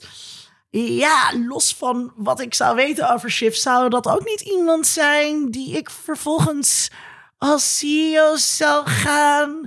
Want wat gaat ze dan over mij zeggen? Weet je, als dit jouw loyaliteit is, ze, ze laat zichzelf zo kennen eh, daarin. Ja. Wat vonden jullie van die scène trouwens? Dat, eh, die, die scène tussen haar en Tom, waarin ik heb altijd het idee dat Tom oprecht was in hun huwelijk. En hij probeert dat daar op een soort van wanhopige manier nog aan haar een keer duidelijk te maken. En het valt bij haar gewoon helemaal plat. Het komt bij haar helemaal eigenlijk niet aan. Zij weigert een soort van te geloven dat hij van haar eh houdt hield. Omdat ze gewoon nooit liefde heeft gekend. Ja, dat, dat klopt wel. Ik, ik ben er niet helemaal mee eens dat het van hem alleen maar liefde is. Ik denk dat hij echt wel wist dat hij met eh, de dochter van Logan Roy samen was en daarmee trouwde. En hij vroeg er ook ten huwelijk ehm, op het moment dat hij in het ziekenhuis ligt, toch? Dat, ze- dat het net lijkt alsof of dat, dat ze denken dat hij Dat. Logan in het ziekenhuis ja, ligt. Ja, ja, Dus, dus ja, wat dat betreft, ik weet niet hoe. Ik weet, ik weet niet. eh, Ik, denk wel dat hij meer van haar hield dan andersom. Alhoewel ik ook wel denk dat zij ook. Ik denk wel dat er iets van liefde Ja. is. en, en hij zegt op een gegeven moment ook in een van die ruzies... eh, ik hou van mijn horloges. Ja, nee, dat vond ik, Ik heel hou eerlijk. van ja. spullen. ja. Dat, ja, tuurlijk. En daar, ik ben er bang voor dat ik dat verlies. Tuurlijk, tuurlijk. Eh, en dat, ja, dat is een soort eerlijkheid dat Shift nooit zou tonen. Dat is ook eigenlijk vanaf seizoen 2 al dat Tom dan op een gegeven moment zegt van...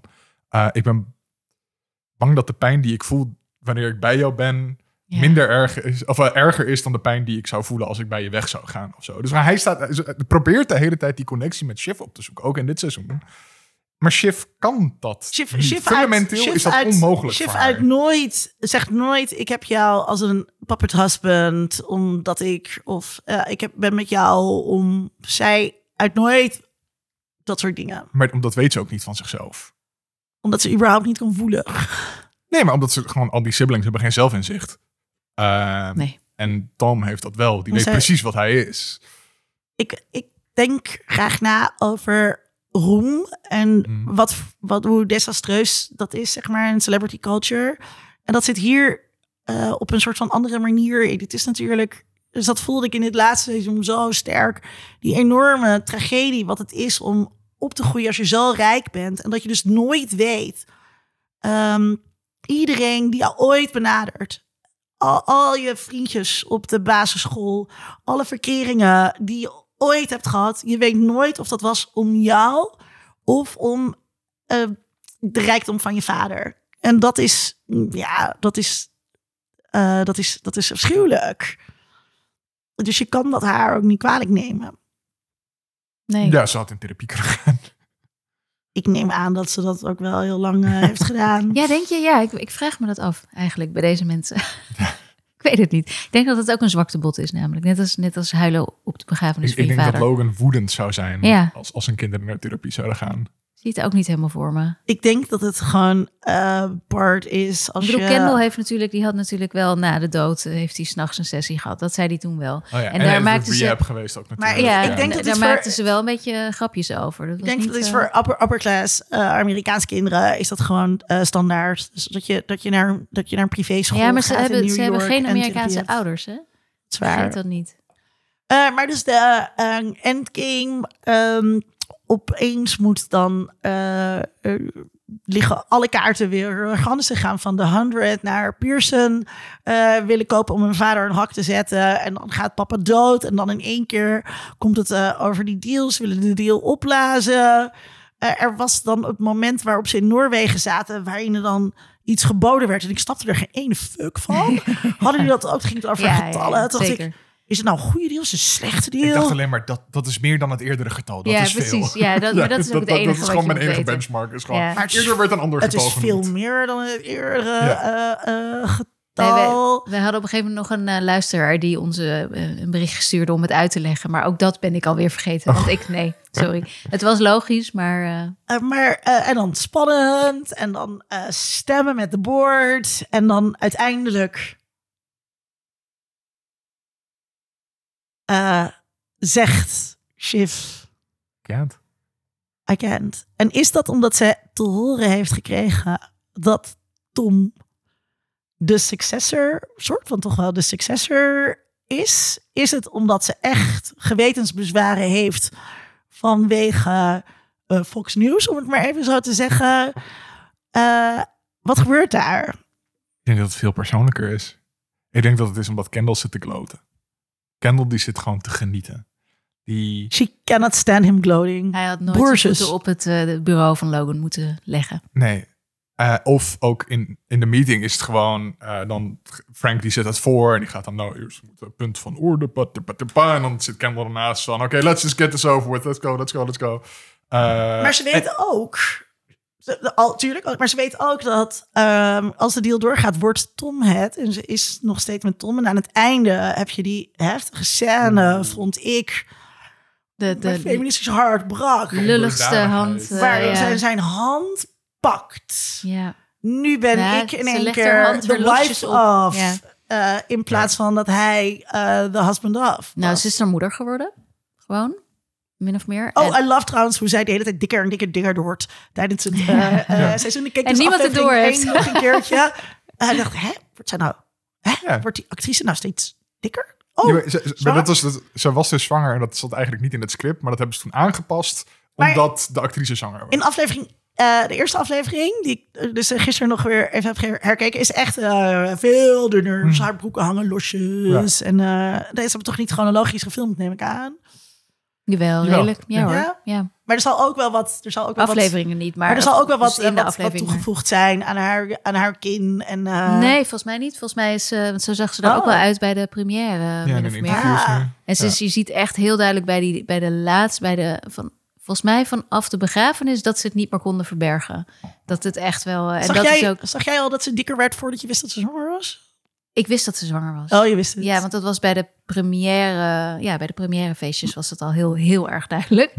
Ehm, dus ik, ik wist het al en ik zag het dus ook al. En eh, toen ze dus in aflevering 1 of 2 al, geloof ik, redelijk snel, Ja. toch? Dat je hoort dat ze zwanger is.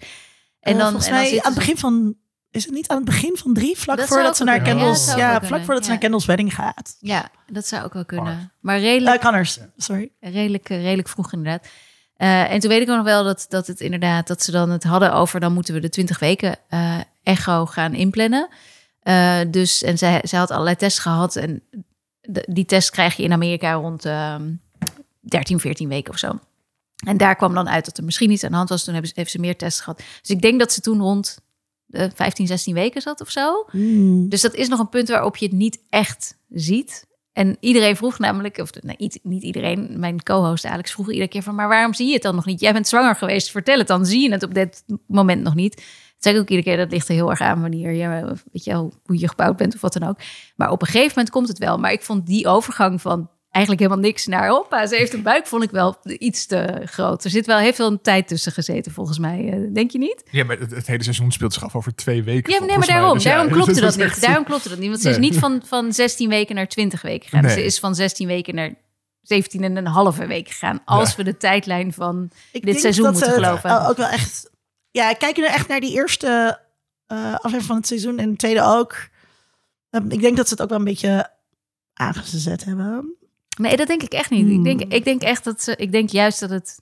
Dat denk ik niet. Want anders hadden ze het eerder al aangezet. Dan hadden ze er meteen al een, een buikje gegeven. Want Roman zegt op een gegeven moment van... Oh, je bent zwanger. Ik dacht in aflevering 8 is dat als ze dat vertelt in de limo... dat ze zwanger is. En dan zegt hij... Ik dacht gewoon dat je je gevoelens aan het eten was. Ja, maar dat zie je dus wel. Dus je ziet er wel... Ik zag haar wel in afleveringen Ja, maar dat is dus te snel. zonder... Dat, zonder dat, Maar zou, dat dat zou als, als het Oh, dat zo. de serie Oh, het ging- het- eh, ja, was zou van volgen, zou het te snel ja, zijn. sorry, ja, ja. Want die, de serie was eigenlijk het. iedere dag. Ja. Oké, ehm, wat hebben we geleerd? Misschien dan Maar over... je had het over Shiv en wat, eh, waarom ze dat, waarom ze die beslissing neemt. Waarom Oh, ja, zij, ja, ja. daar hadden we het over. En toen ging er een zijpad. Ja.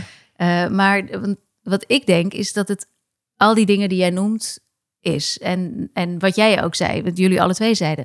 Ik denk dat ze, ik denk dat ze inderdaad zag wat Kendall aan doen was daar in het kantoor van Logan. En dat ze daar gewoon kriebels van kreeg. Ik denk ook dat ze Kendall kent en dat ze weet dat hij dit helemaal niet kan. Dat het niet goed voor hem is. Dat dit gewoon een verslaving voor hem is. Die die, eh, waar, ja, waar die gewoon eigenlijk niet aan toe moet mogen geven, zou mogen geven. Ehm, maar ik denk ook dat En ze... dat, ze vindt hem heel duidelijk incapabel. Ja, dat hij heeft ze ook is. altijd. En ze Ja. vindt ook eigenlijk, vindt ze nog steeds dat zij het eh, had moeten zijn.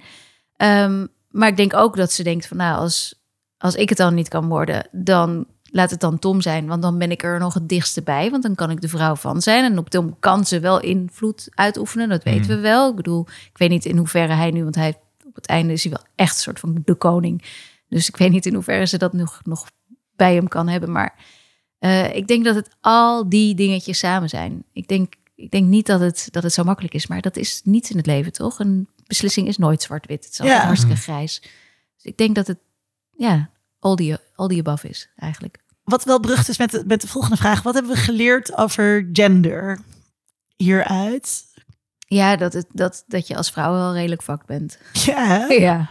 ja, ik was wel echt boos voor Shiv. ik was Ja. ook echt boos voor Ja. Ja, Het je kijkt ook heel boos. Waarmee zij buitenspel gezet werd. En ook... En die zwangerschap ook. En Ja. ook, eh, Ja. dus op een gegeven moment maakt Madsen eh zo'n opmerking inderdaad over haar, over haar zwangerschap.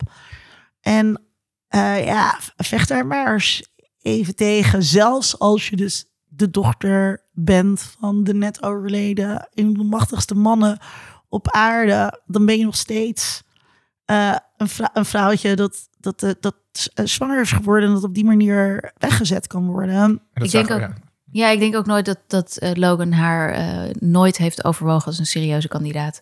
Echt nooit. Gewoon omdat, het- omdat ze een vrouw is. Ja, Ja. maar dat, dat, dat zagen we natuurlijk ook met eh, Jerry al, die gewoon CEO is geweest. Ja. Heel lang, heel Zij is capabel. de enige capabele eigenlijk. Ja. eh, eh, die die baan heeft uitgevoerd. Eh, en dat toen die sms'jes met Roman eruit kwamen en dat Logan boos werd op Roman, want disgusting. En dat Jerry dat- de biezen moest pakken. Ja. Maar ook dat Roman haar dan moet ontslaan. Ja, En de manier waarop Jerry reageert. Gewoon, are you fucking ja. kidding me? I kept us terecht. dry when Ja. it was uh, raining, zegt ze zoiets. ja. En ook het werk dat zij inderdaad eh, verzet heeft. Dit is niet een fijn... Ter- Terwijl je Frank en Carl gewoon voorbij ziet coasten. Ik heb geen idee wat die twee aan het doen zijn elke keer. Anders dan meetings en cocktails drinken. Maar eh, als het gaat over mannelijkheid... eh, en dan kijk ik nu naar jou, eh, Mag. Tom. Want jij identificeert als man.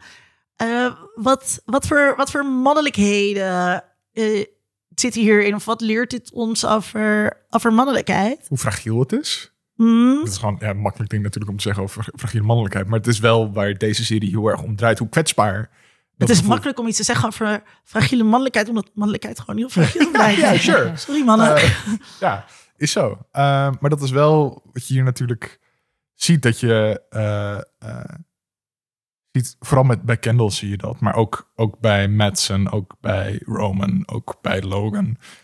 dat, dat ze de hele tijd moeten bewijzen dat ze het mannetje zijn. Dat ze viriel zijn. eh, en, en dingen gedaan kunnen Die krijgen. hele lange plas van Madsen op de berg. Was dat niet een soort van ik ben de alpha male? eh, Ja, was? ja, maar dat is, dat is gewoon, gewoon zelfs mensen die er schijnbaar niet zoveel mee bezig zijn, zijn de hele tijd bezig met territorium afbakenen met pis. Mhm. Dat is echt, het, het is gênant om te zien. We gaan Eh, hier straks nog even over napraten, maar ehm, bij vrouwen bestaat dit dus niet. Dat, dat, wij kunnen straks naast elkaar gaan plassen en wie dan het langst plas wint niet of zo. Nee. Dus- Nee. dat ook, bij mannen zit ook er- Ik denk, ik denk dat we eerder ons best doen om zo zacht mogelijk te Ja, plassen. daar zitten, daar zitten rare, rare dingen over, man, over mannelijkheid in. Denk je ook dat, vind je dit een thema van de show? Ehm, ik Of zijn we het dan er te erg geeky ze- dingen? Nee, ik, ik haal het er zeker wel uit. Het zit er echt wel Ik in. vind dat verplassen inderdaad, ja, dat vind ik wel dat, dat goed. gaat Ja, over mannelijkheid en ja. het mannetje zijn. Ja. Eh, dat is wat Kendall de hele tijd doet.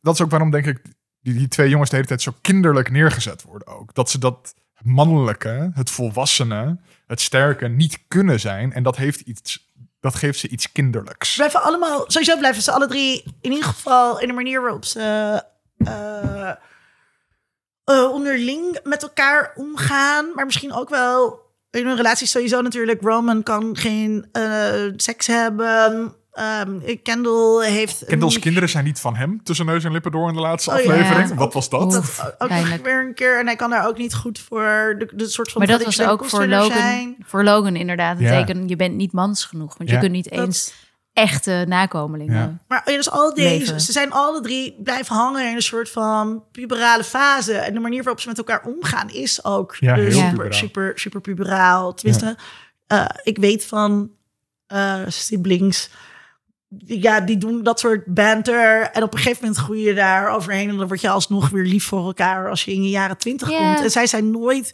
in de Ik denk jaren dat je nog 20 steeds. geraakt. Ik denk dat wat er in de, in de laatste aflevering in de keuken, zo'n scène, zeg maar, dat je kunt nog steeds wel terugvallen op, op je jeugd, eh, op, op vroeger, wanneer je broers en Maar dat zussen. is ook het enige. Maar dat is bent. ook dit is de Maar enige hartverwarmende scène ja. in de, hele serie. Maar dat is bijna elk seizoen is- zit er één zo'n scène in dat ze met z'n drieën even kind zijn samen of zo. En dan, dat Maar het is inderdaad kind hart. zijn samen. Weet je wat ik ook wel eens bij ze heb gedacht? Zoals een, zoals een, eh, een, een kindster, ehm, waarvan ze dan zo'n Britney Spears Ja. of zo, dat je dan blijft hangen op de leeftijd waarop je wereldberoemd wordt. Ja, Dat idee heb ik bij hun ook altijd een beetje. Ze werden dan niet wereldberoemd, maar ja, we kregen door hoe rijk ze waren of zo. Ik weet het niet zo goed, maar dat ze er nooit helemaal uit zijn gekomen. Omdat je dan, omdat je altijd in die wereld leeft waar ja ik iedereen denk maar dus ja het, het zegt. moment en- dat je in contact raakt met een andere buiten een soort van zandbakniveau, maar ook in eh groep, ehm, groep 5, 6, 7 denk ik dat klasgenootjes doorhebben hoe, eh, rijk, hoe rijk je bent Ja. en wat voor status daar aan jou zit. En dat je dus al op zo'n Ja, jonge ja. leeftijd... Je Ja. zou op je vijftiende rondgelopen hebben bij Waystar. eh, Ja, als ja. de zoon van, Ja. of de dochter van. Ja. Nee, wat, dus wat hebben we geleerd hier over ehm, macht en kapitalisme? Dat het eh, echt zo erg is als dat ik altijd al denk. ja, leg dat eens het uit als in de eigenlijk as. gewoon afgeschaft moet worden. Ja, nee, ja. Ik vind eh, het idee, en ik denk gewoon dat dat helemaal waar is, dat er, dat er zoveel macht ligt bij mensen die helemaal niet per se zo slim zijn of zo goed weten wat ze doen, en het echt alleen maar voor zichzelf doen. Ik vind dat een heel naar en, en deprimerend idee. Ja, en dus dat eh, het al die persoonlijke relaties dus kapot maakt. En dat vind ik, we hebben het vaak over sociologische verhalen en psychologische verhalen. En dit is een hele mooie combinatie tussen die twee niveaus, zeg maar. Dat, dat geld en het kapitaal en de macht verwoest elke normale persoonlijke relatie. Het is een soort orkaan die daardoor heen gaat, die een gewoon leven onmogelijk maakt. Omdat elke stap, elke hoest, elke knipoog naar iemand met wie je aan het flirten bent, heeft een soort van die lading ineens daarachter of zo. En aan Ja. de andere kant kun je eh, een presidentskandidaat die overduidelijk niet goed gaat zijn Hmm. voor het land en voor de stabiliteit van het land, kun je aan de macht helpen en daarna gewoon zeggen. Het maakt niet zoveel uit. We hebben gewoon echt. een goede avond televisie gemaakt. Want Ja. voor hun maakt het ook niet uit. Ze zitten er hoog in die glazen toren en het maakt Ja. niet uit. En hoe heerlijk was het daarna dat hij op straat in elkaar Ja. geslagen werd. Ja. En ik denk dat hij iedereen dat een soort van voelde. de materiële Ja. consequenties gewoon aan de lijf onderving. Ehm, ik, Maar wel zelf opgezocht, want anders had hij het nooit, maar dan ook nooit Nee. meegekregen. Ehm, wat, wat zo, we hebben het wel eens eerder in deze podcast gehad over hè, eh, televisie, over, over rijke mensen en dat we dat graag kijken. Maar er zit niets begeerlijk waardigs nee. Daarom is het ook zo goed in hoor. deze. In, er is op geen Nou, enkel moment dat ik dacht: oh, kon ik maar met een helikopter van het ene huis naar het andere reizen. Op geen enkel moment eh, heb ik. Was ik jaloers op deze mensen? Nee. nee, maar je hebt wel nu eh, eh, die hele quiet luxury eh, trend. En dat komt wel echt een beetje door eh Succession. Wat is de quiet luxury? Jet? Quiet trend? luxury is dat jij echt tafels dure merkkleding draagt. Nergens staat een labeltje. Het is Oh, van, dat. if you know, you know. Ja, ja, ja. Dat je Maar dat is, maar dat is, dat is, dat is Ja, maar dat is niet ni- nieuw, maar dat is wel nu daardoor extra extra, op de ja. radar. Dus je hebt ook heel erg op Instagram. Misschien ook een beetje een ontdekking van die- nieuw geld. heb Terwijl je oud geld dat Succession altijd al Fashion? deed. Ja, inderdaad. Je hebt Instagram Succession account. Fashion is echt een ding. Dat mensen echt kijken van... Oh, Kendall heeft een zwart t-shirt aan. Dat is geen gewoon zwart t-shirt. Dat is een zwart t-shirt 500. van 400, 500 Ja. dollar. Ja, nee, dat is echt shocking. Dat is, Succession Fashion is echt een heel leuk Instagram-account. En, en iedere week weer, dan dacht ik echt, nee. En het mooie is ook, dat daar is super over nagedacht door de kostuumafdeling. Want het shirt wat Roman draagt eh, wanneer hij bij zijn moeder is ehm, op Barbados is het, Ja, geloof ik. Het is een Walmart shirt, toch? Is een Walmart shirt en het is van 7,95 en het is een kindershirt. Wie draagt dat? Roman, als hij bij Ah. zijn moeder is Ah. daar in, die la- in de laatste aflevering. Ja. Echt fantastisch. Vond ik Ja. zo enorm. Terwijl normaal is zijn shirt ook altijd meerdere honderden dollars. En dit Ja. is Ja, ik kijk, 7,95. ik kijk daar dus En ook nog een kindershirt. als zij kleden zich als oud geld. Ja, maar, en, Eh. en, maar, dat, en, maar en dus de trend en de invloed ervan en het, eh, eh, waar we het over hadden van je wil deze mensen niet nadoen. Mensen willen dit wel nadoen. Ja. Mensen willen die quiet luxury nadoen, omdat ze dan in de know zijn. En Ze willen oud geld nadoen. Ja, ik hoorde een Wout interview. op de middelbare school. Ik hoorde nog een interview met Alexander Skarsgård, moet je ook luisteren, ehm, waarin hij ook vertelt dat dus de kleren van Madsen juist eh, je heel, hebt Fjallraven aan. ja, die, die, Ja. die, die, die schreeuwde echt.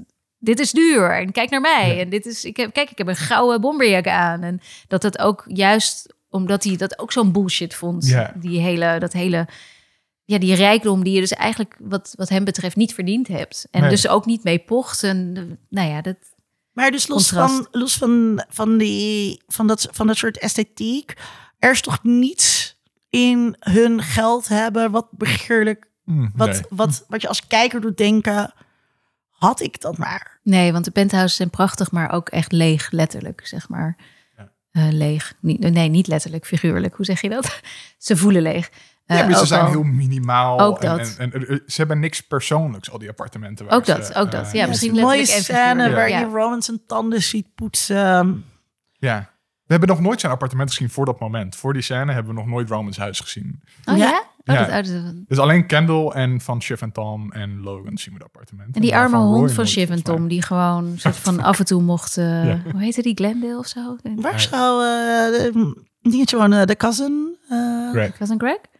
Oeh, dat, die hebben we ook nooit... Jawel, jawel, Jawel, jawel, in seizoen 2 had hij een appartement in de Ja. Highline. De bij de Highline waarschijnlijk, ja. ja. Een beetje een, eh, ook een naar appartement vond ik hoor. Ook Hmm. zo'n appartement wat dan gekocht wordt door iemand die opeens geld heeft. Nee, nee, want het was gekocht door Kendall en die leende het aan hem. Oh, dat van. was het, oké. Er zit dan ook op een gegeven moment, dan neemt, ehm, neemt hij eh, dus een date mee eh, naar, naar, naar de verjaardag van Logan. Eh, dit is eh, um, eh, ran- random, is het, is het, is het Jodie Random Fuck? Bridget is- Random Bridget, Fuck. Bridget Random, Random Fuck. Ja. En dan eh, gaat ehm, Tom allemaal... Ah, nee, Allemaal- kan ik niet meer uitspreken. Belachelijk groot het als in ieder Ja, geval. precies. Tom gaat grapjes maken over de grootte van haar tas, wat super bourgie is. Hè? Dus eh, eh, middenklasse mensen. Tas die ook daar 500, dingen 600 over. dollar is. precies. Ja, maar ze- het is heel duidelijk een Burberry-tas. Ja. Dus daarmee is het niet Misschien cool. wel duizend En je of kunt zo. dus- Ja. Hij was echt een hartstikke Ja, duur. Ja. Dus je kunt middenklasse mensen onzeker laten voelen over dit soort dingen. En Tom is een middenklasse persoon. En die Ja. weet hoe hij dat, welke knopjes hij dus precies moet En, indrukken. maar, en, en bij Tom is ook degene die de hele tijd misstaat nog steeds tot het laatste seizoen. Want daarin kleedt hij zich ineens wat anders. Maar hij heeft soort van niet mooi zittende pakken aan in de eerste paar seizoenen. Met van die bodywarmers Oh ja. eh, eh, en dat soort dingen allemaal. Hij ziet er tussen de rest van de familie eh, heel... Nou, niet per se shabby uit, maar niet even goed gekleed als de rest. Maar hij is de enige die anderen de les leest over hun kleding. Dus hij, Dat, maar dat is de middenklasse. ja, Ja. ja. dus dat is de middenklasse in Tom, ja. De hogere klasse never cares. Nee. Tenminste, ze caren wel, maar ze zeggen er niks van. Eh, nee, de hoge klasse eh, bepaalt en de middenklasse aspires. Dat ehm, eh, zegt um, Bourget. Ehm, hoe hadden we zelf in die endgame gestaan? Verkocht.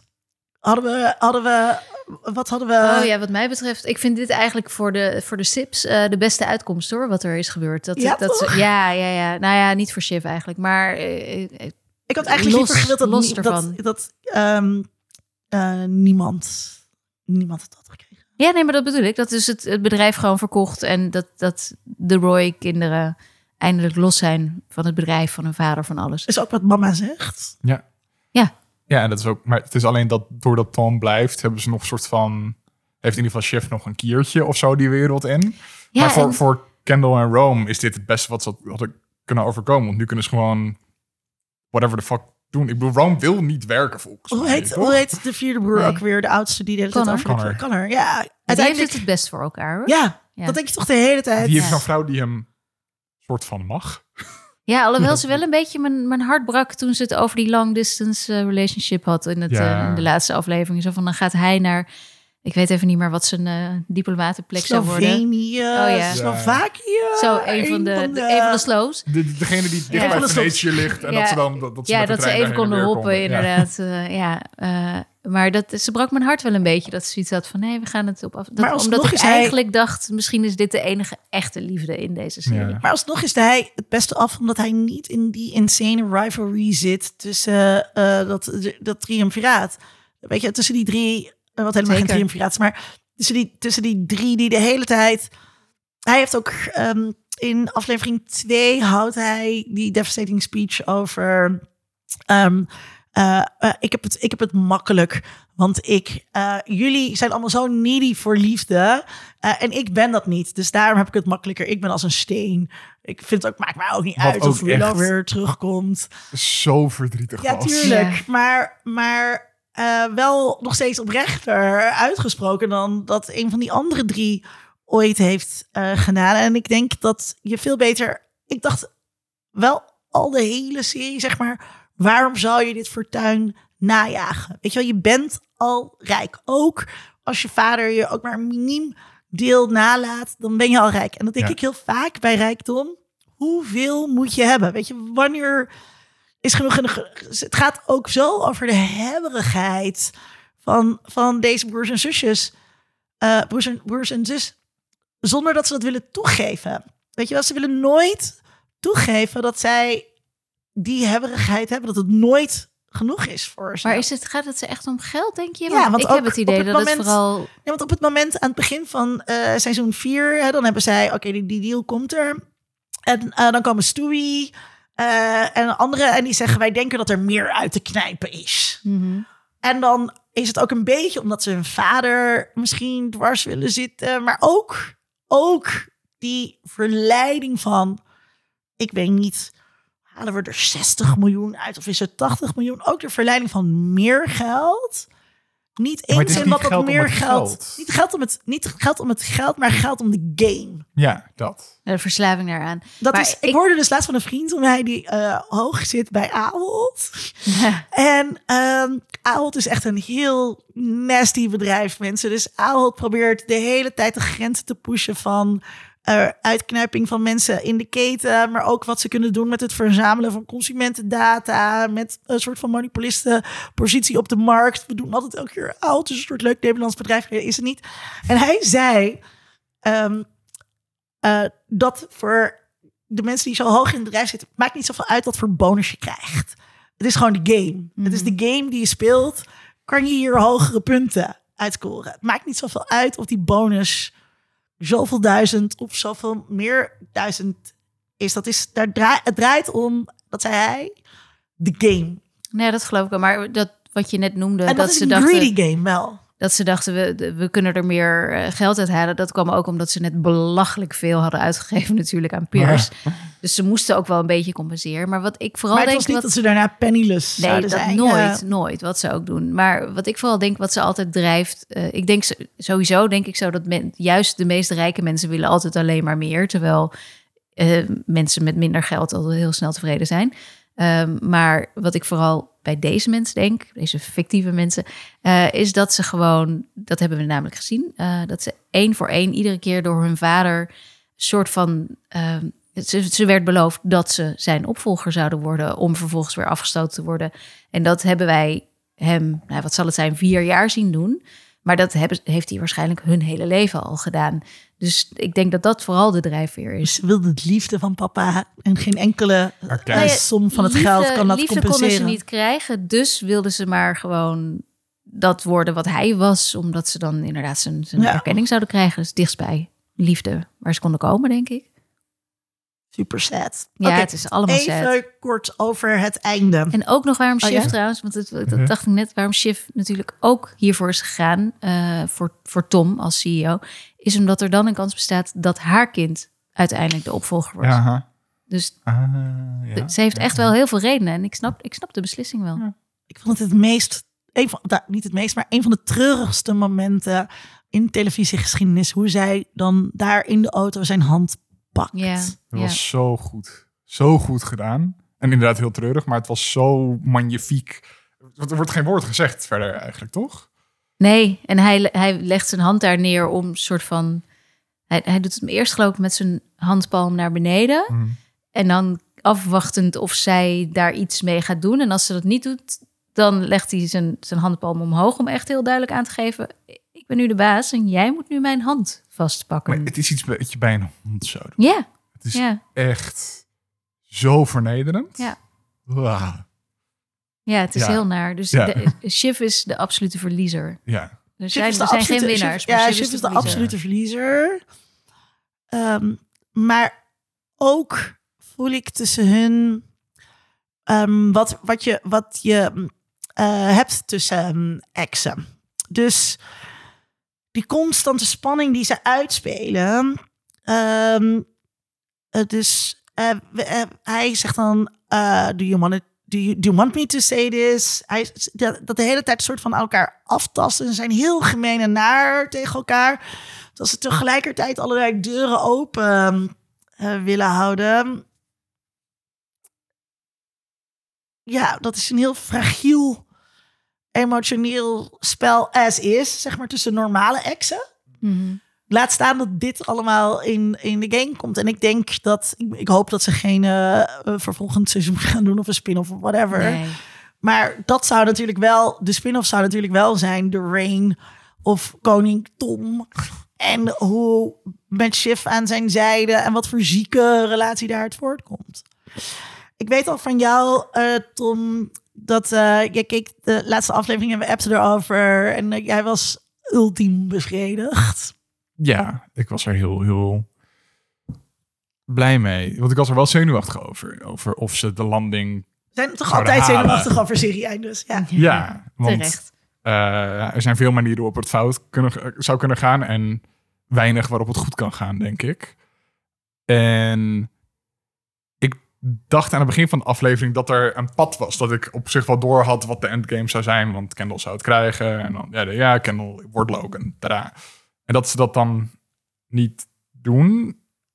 En ook, ze geven het hem en dan halen ze het weer weg. Dus een soort van eigenlijk nog erger dan dat hij het niet zou worden gewoon. Maar hij heeft het. En dan ook nog Shift die het van en dan, En dan door Shift, die hem shift. Um, shift shifts hem. Ja. Eh, toch weer niet. En dan... Uh, ja, dat vond ik gewoon best wel... De div, maar ook de, de, de, de, hoe hij soort van, hoe zeg je dat in het Nederland, devastated ja. is. Uh, uh, ja, iets wat hem dus inderdaad zijn hele leven belooft, is de kroonprins. Ja. En, en nu heeft hij het en nu heeft hij het definitief. Charles, hij is gewoon Charles. Ja, maar Charles die voor zijn moeder doodgaat. Ik wou zeggen die dan eerder was doodgegaan, ja. Ja, uh, en dan die laatste scène uh, op de kop van Manhattan, op, bij het water. Ja, fantastisch. Dat was blijkbaar een ding dat, omdat Jeremy Strong de method actor de method actors is op een soms best wel irritante manier. Uh, dat, dat, hij blijkbaar in het water wilde springen. Ja, ze hebben het tegen moeten houden. Tegen oh, dat dacht ik, maar dat dacht, ik dacht ook dat hij dat ging doen. Nou ja, dus dat dacht Jeremy Strong dus ook. Met maar, toen zat ik weer van wow, wow, wow. Maar het mooie daarvan is, is dat hij... Dat, uh, niet zozeer Jeremy Strong, maar uh, Kendall had het nooit kunnen doen. Want hij heeft zijn eigen gevangenis gecreëerd... door ja. de bodyguard van zijn vader ja. in te huren. Dus ja, hij, ook weer zo'n mooi detail weer. Ja. Want ik dacht eerst nog, hé, hey, waarom? Ja, hij wil natuurlijk zijn vader worden. Waarom doet hij dat nou? Maar dat is. Oh ja, dat dacht ik pas later toen ik het weer terug ging kijken. Dat is de bodyguard van zijn vader. Ja, ja, ja. Die heeft hij, de, de, man die hem eerder uh, juist soort van bedreigde eigenlijk, ja. Uh, heeft hij nu uh, dan aan zijn zijde voor altijd. Ja. ja. Ik zit te denken van wie is de meest tragische, maar dat kan je dus ook niet zeggen. Ze zijn allemaal allemaal tragisch, ja. En Roman is volgens mij ja, dat was toch wel een soort van Er best oké okay mee. Ja. ja. Ja, die zei, maar dat, dat vond ik dan weer Ro mooi. Roman is heel erg uh, open in zijn fucked upness. Hij owns al zijn fucked upness. Dus je kunt, je kunt Shiv een soort van pesten met haar relatie. En uh, de zwangerschap en bla bla. Maar waar, je kan Roman nergens mee pesten. Roman pest zichzelf namelijk de hele tijd. Ja. Hij haalt zichzelf de hele tijd beneden. Uh, dus er is niets wat je hem kan zeggen... Ja. wat hij niet zelf al ja, en daarbij was hij natuurlijk, hij, hij begon de serie met dat hij er eigenlijk niks van wilde weten van het hele bedrijf. Hij vond het bullshit. Dat is ook een van de eerste dingen die hij zei, is het is allemaal bullshit. En het is ook het, laatste wat hij zegt. Ja. Dat ze allemaal bullshit zijn. Hij is gewoon weer terug bij het begin van de serie. Hij was wel. even naar, terug naar binnen hij werd, gezogen. Precies. hij werd iedere keer weer teruggetrokken. En door zijn vader en belofte. Hij, hij kreeg grote, grote ideeën. Maar hij is nu weer op dat punt dat hij denkt... nee, het is allemaal bullshit. Anke, ben jij bevredigd met het einde? Ja, enorm. Ja, vind je het een goed zijn serie-einde? Ja, heel erg. Ja, ook omdat ik het niet...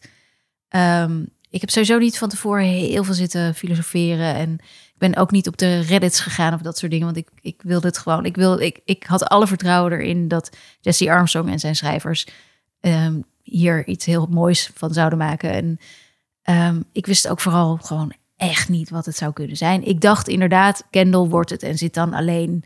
Als ik iets moest denken, dan was het Kendall wordt ja. En die zit dan alleen daar in die toren en hij heeft gewoon eigenlijk helemaal niks meer. Ja, Want daar ging het ook echt. Ja. ja. daar ging het echt naartoe.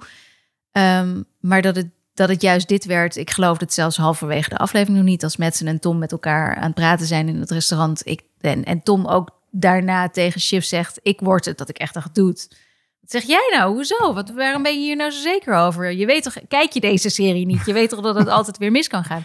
Maar hij werd het ook gewoon. Dus ja, ik, ik, ik, ik had het niet zien aankomen. Ik vond het heel sterk. En vooral omdat het ja, onze drie hoofdpersonen op, op de manier achterliet waarop ze zijn achtergelaten. Ja.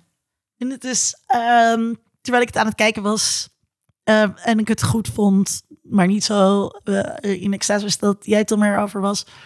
Uh, dacht ik wel, ehm, wanneer serie-einden slecht zijn, zijn we er zo heftig over en onthouden we tot in het eeuw der tijden.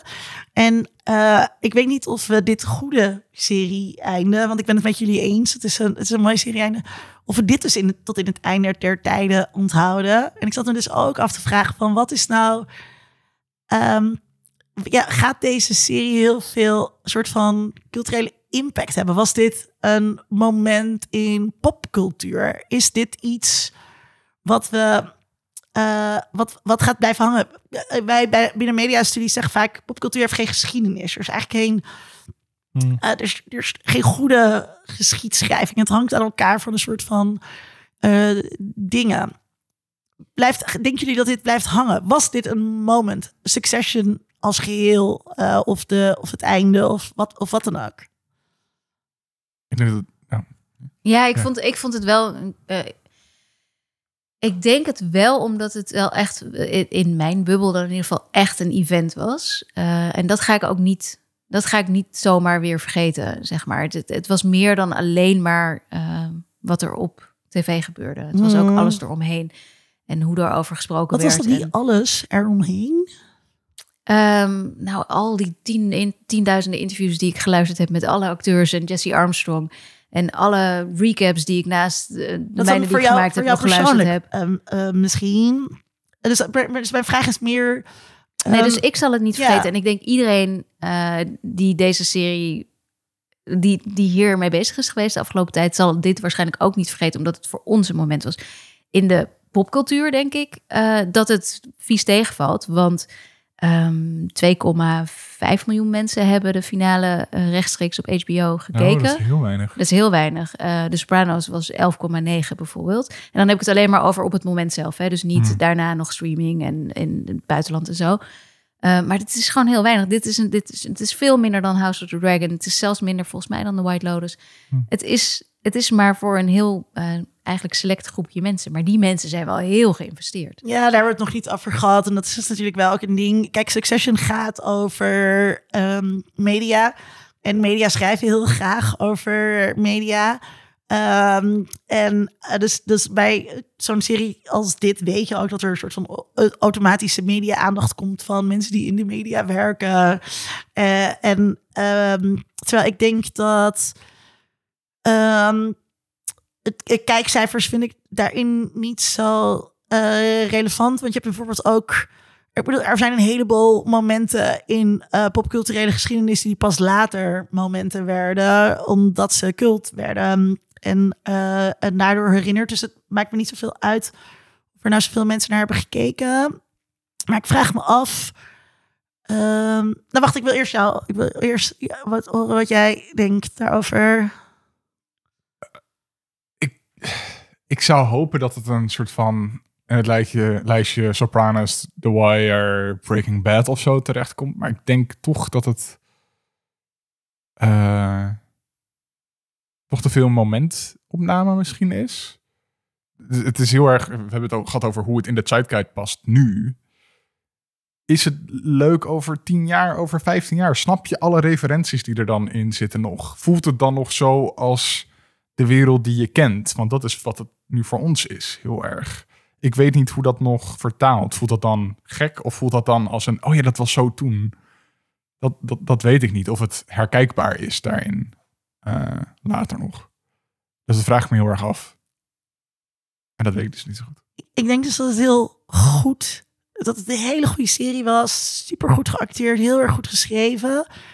Uh, maar um, als je, als je kijkt naar de manier waarop, waarop series zich ontwikkelen, of weet je wat, wat, wat inderdaad de grote series waren, wat die deden als het ging om bepaalde manieren van storytelling, of over, weet je wel, die grote dingen waarom bepaalde series wel of niet bij ons uh, blijven hangen. Dan denk ik, ja, dan, ik denk dus eigenlijk dat dit gewoon een serie was die heel goed was. Een heel uh, interessant en tof was om naar te kijken. ik denk, ja, ik denk dus dat, het, dat, ik, dat hij, ik, dat die deze, deze niet gaat blijven hangen. En jij noemde net ehm, Breaking Bad. Ehm, ook Breaking Bad hangt niet zo heel erg in het Nee, culturele weet je waarom de. Sopranos hangt? Omdat je bij de Sopranos niet weet wat er nou precies gebeurt nadat het beeld op zwart gaat. En daar zijn mensen nog steeds over aan het discussiëren. En daarom is dat.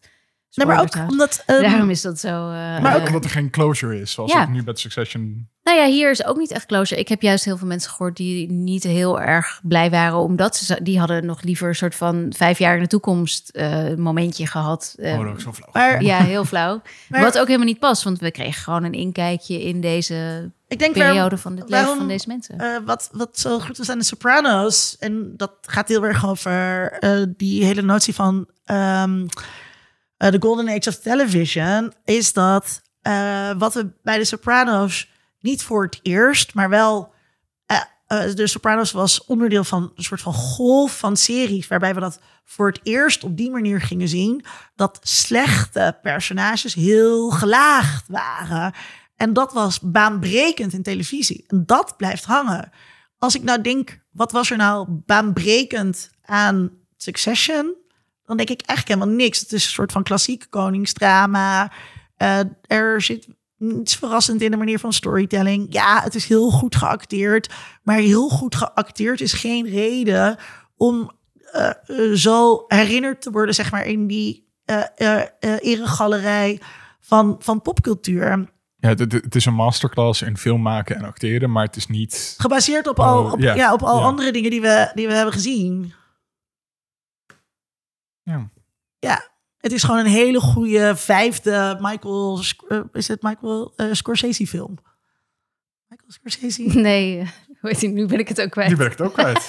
Huh? Niemand weet meer hoe Scorsese... Nou, het is de vijfde Scors- Scorsese film. Martin? Martin, Ja, niet. Ja. Ja. Ja, ik denk dus dat het niet zo... Ik denk ja, dat we dit over vijf jaar redelijk... Ik, Ik gun het de serie wel, maar... Ik, ik, snap, ik snap precies wat je zegt. En ik denk dat ik het er ook wel mee eens ben. Eh, en ik, maar ik vrees het dan eerder. Want ik vind het inderdaad niet terecht. Want ehm, hoe ik gewoon naar deze serie heb gekeken... en hoe ik erop reageerde in mijn eentje om negen uur 's ochtends op de bank...